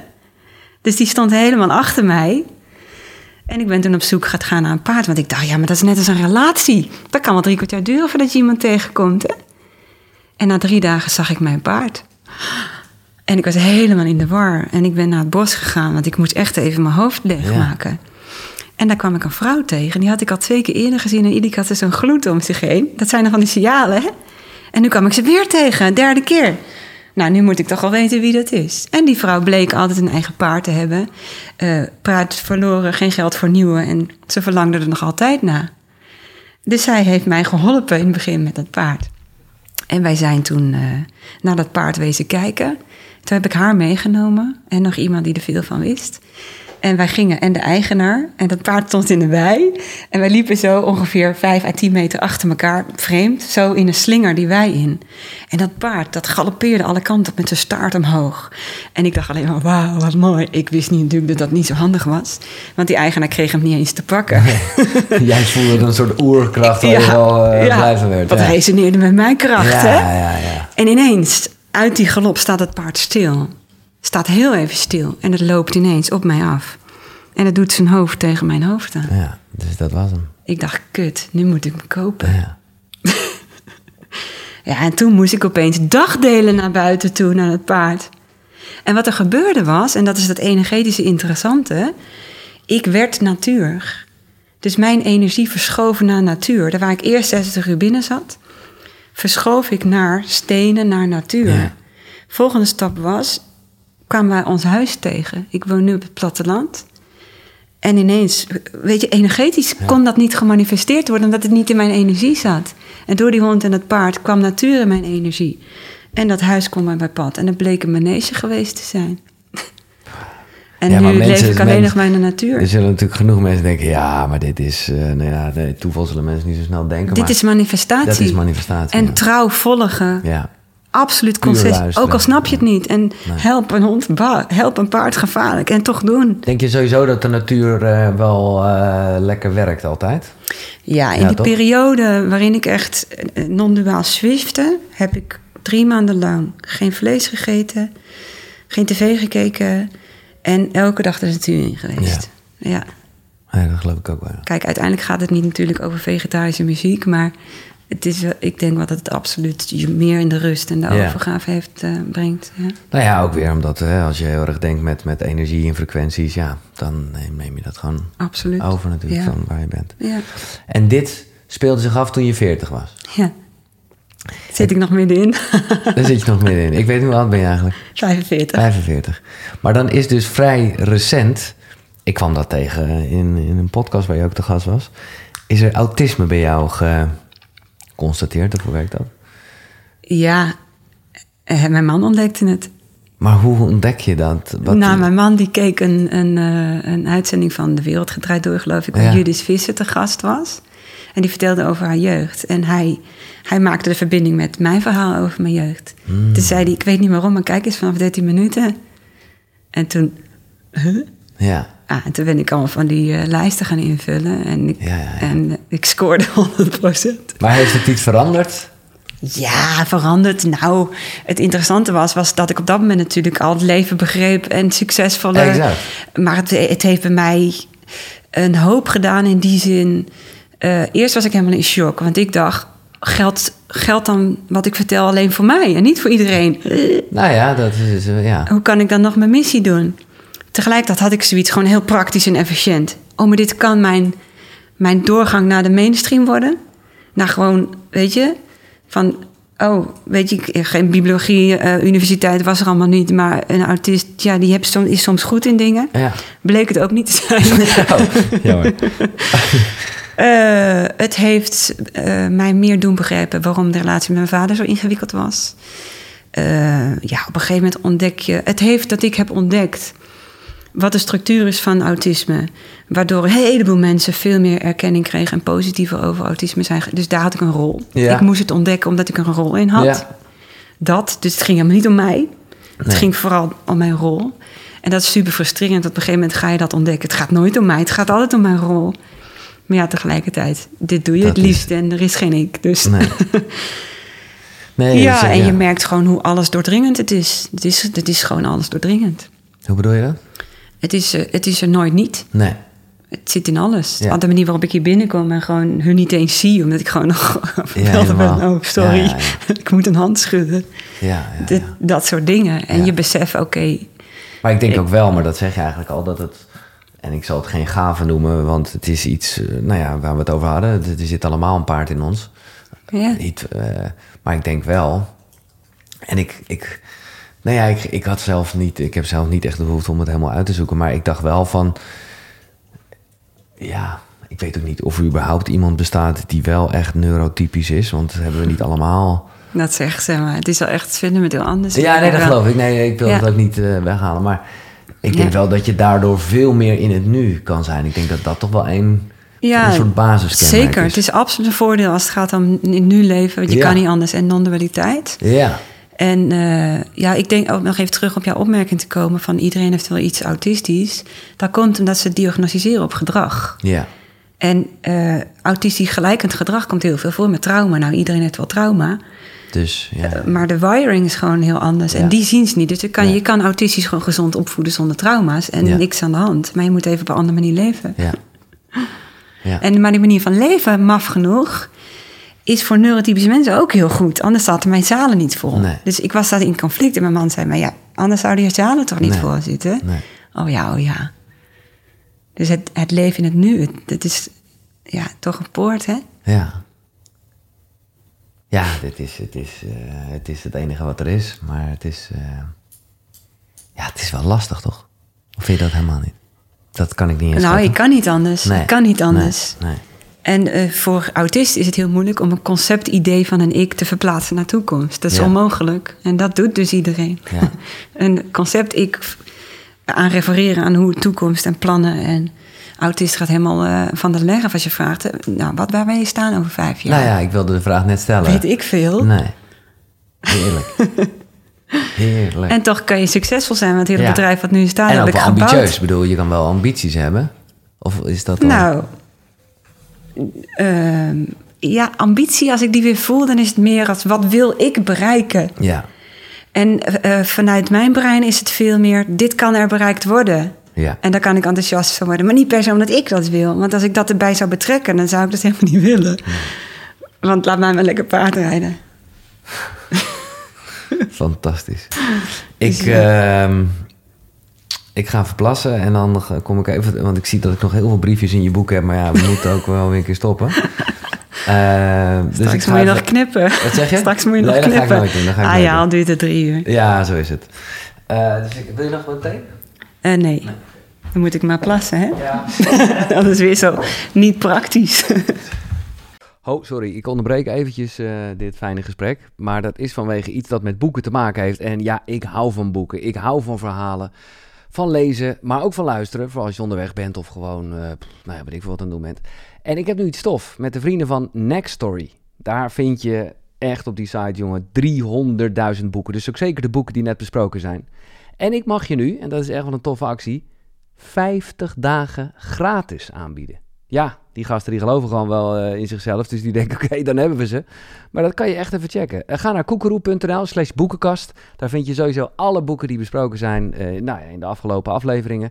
En daar vind je dus ook een link. En via die link kan je 50 dagen gratis Nextory gebruiken. Check het. koekeroe.nl slash boekenkast. Ja, nee, ja, het is gewoon, het was gewoon, het is gewoon het gesprek geweest wat het is geworden. Ik, ik, ik, voor mezelf, want ik heb echt nog wel veel dingen, maar ik beloof dat ik, tenminste, als je daar zin en tijd voor hebt, dat ik de volgende keer naar jou eh, toe ga. Je hebt me sowieso eh, nieuwsgierig gemaakt. En dan hoef jij ook niet de hele reis naar Haarlem te doen. nou, leuk. Je bent welkom. Ja, top. Want dan, eh, ja, ik, ik heb hier nog even een soort one-liner. Of nou, geen one-liner, maar eentje. Nu wordt het truc, hè? Nu wordt het truc om oprecht te leven en te voelen of dat die nog klopt. Ja, maar ik wil, ik wil dit gewoon mensen meegeven. Dus daarom klopt het wel. Het gaat er niet om dat je jezelf gaat vinden, maar dat je jezelf gaat zijn. Ja. Ja, dat is het hem. Die, eh, die eh, ja, dat vind ik een hele mooie. Ja. Mensen gaan altijd op zoek naar zichzelf en die zoeken het dan in. Ja, Wie ben ik? Ja. Wat, hè, dit en dit en dit. Waar ben ik goed in? Dat en dat en dat. En zoeken, zoeken, zoeken. Maar het is inderdaad het zakken in jezelf en durven zijn. ja. En dan ga je het ontdekken. Dat je heel bijzonder bent. En dat andere mensen op dat moment dat je dat ontdekt... ineens ook heel bijzonder zijn. Ja, maar ik krijg een soort. Eh, dan denk ik gewoon, waar ben ik, waar ben ik met deze podcast dan mee bezig? Weet je? Ik wil dat dan gelijk opblazen of zo. Omdat ik denk, ja, gaat nergens over.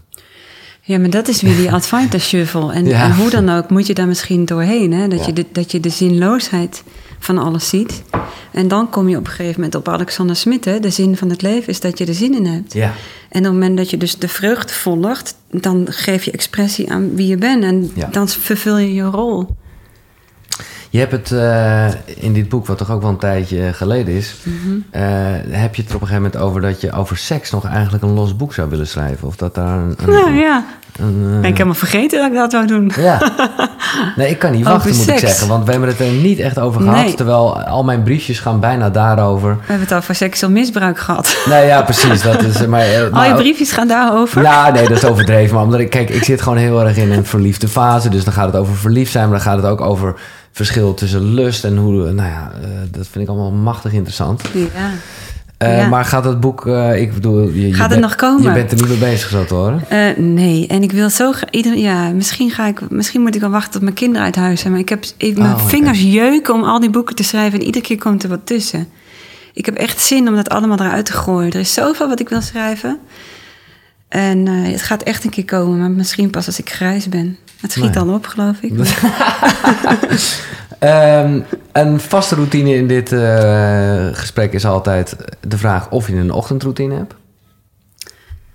Eh, ja, gewoon douchen en mijn hooironde doen. Douchen. Heerlijk. Eerst douchen, dan mijn hooironde doen. Dus dan ga ik eerst naar de paarden toe. Hooi Ja. brengen. Poep scheppen. Met mijn laarzen. En die kijk, zo dan afschudden. En dan ga ik eten. Dus echt wel een beetje tools gebruik hè, als meditatie en zo om, om heel erg te luisteren naar mijn gevoel en mijn lichaam en wat dan ook. Dat eh, zijn, eh, dat hoef jij niet, dat doe je niet. Nee, want dat, dat is gewoon, dat zit gewoon wel goed. Wat ik wel Ja. tegenwoordig onder de douche doe, is probeer gewoon aan mijn nekspieren een beetje, een beetje oefeningetje is dat. Ja, Want ik ben met een project bezig om eh, goed te zien zonder bril. Oh, En dus, eh, dus ik ben al die nekspieren, eh, die ben ik allemaal aan het... eh, zo onder de douche. Nou, dat is wel een ritueel. Gewoon het fysieke, zeg ja, maar. ja, dat is fysiek. en dan lekker naar buiten. De kou in nu. En gewoon lekker voelen. even... Ja, Ja, maar ook want ik, ben, ik, kan niet, ik heb niet zoveel zitvlees. Dus Nee. ik wissel een beetje af. Hè, zo anderhalf uur zitten achter de computer... en dan lekker naar buiten bewegen. Nee, we zitten ook veel te lang. Eh, maar ik wil wel nog dat even kan weten... nog wel. Ik heb net eh, iets gelopen. Nee, oké. Ik wil wel nog even weten hoe je aankijkt... en dat- we hebben het allemaal wel aangestipt... maar ook, nou ja, hoe kijk je aan tegen de dood? Tegen de dood. Ehm, ja. Eigenlijk is het een tweeledige vraag, namelijk... wat denk je dat er gebeurt? Gewoon even lekker filosoferen erover. Ja.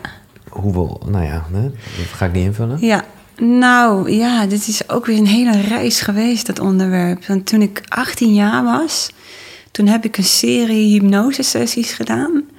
Dat was eh, mijn pianolerares.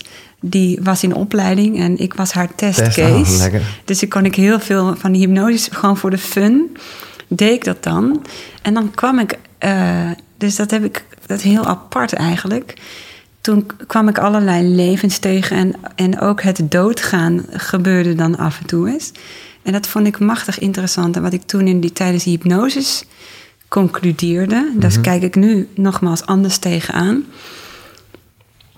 was dat er, was dat er intentie van een ziel was. En dat je gewoon keuze had waar je dat en hoe je dat ging leven. En ehm, kijk, hoe ik het nu zie eigenlijk, is op een gegeven moment had ik een, had ik een, eh, een eh, iemand die regelmatig bij mij lezingen kwam doen. En eh, waar ik dus een lijntje mee had, ze e-mailde veel. Ik had een lijntje met haar en zij pleegde zelfmoord. Oh, En ik vertelde je door, het, door misschien wel door het boek, weet niet, maar ik kan dus met mensen meereizen. Ja. En ik kon met haar meereizen en kijken wat er gebeurde.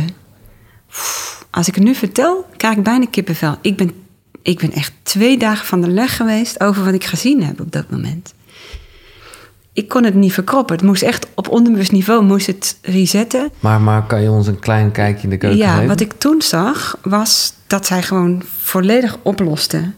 Helemaal oploste terug in die bron. Ja, En dus alles wat ik altijd geloofd had en geleerd had over reïncarnatie viel eigenlijk weg.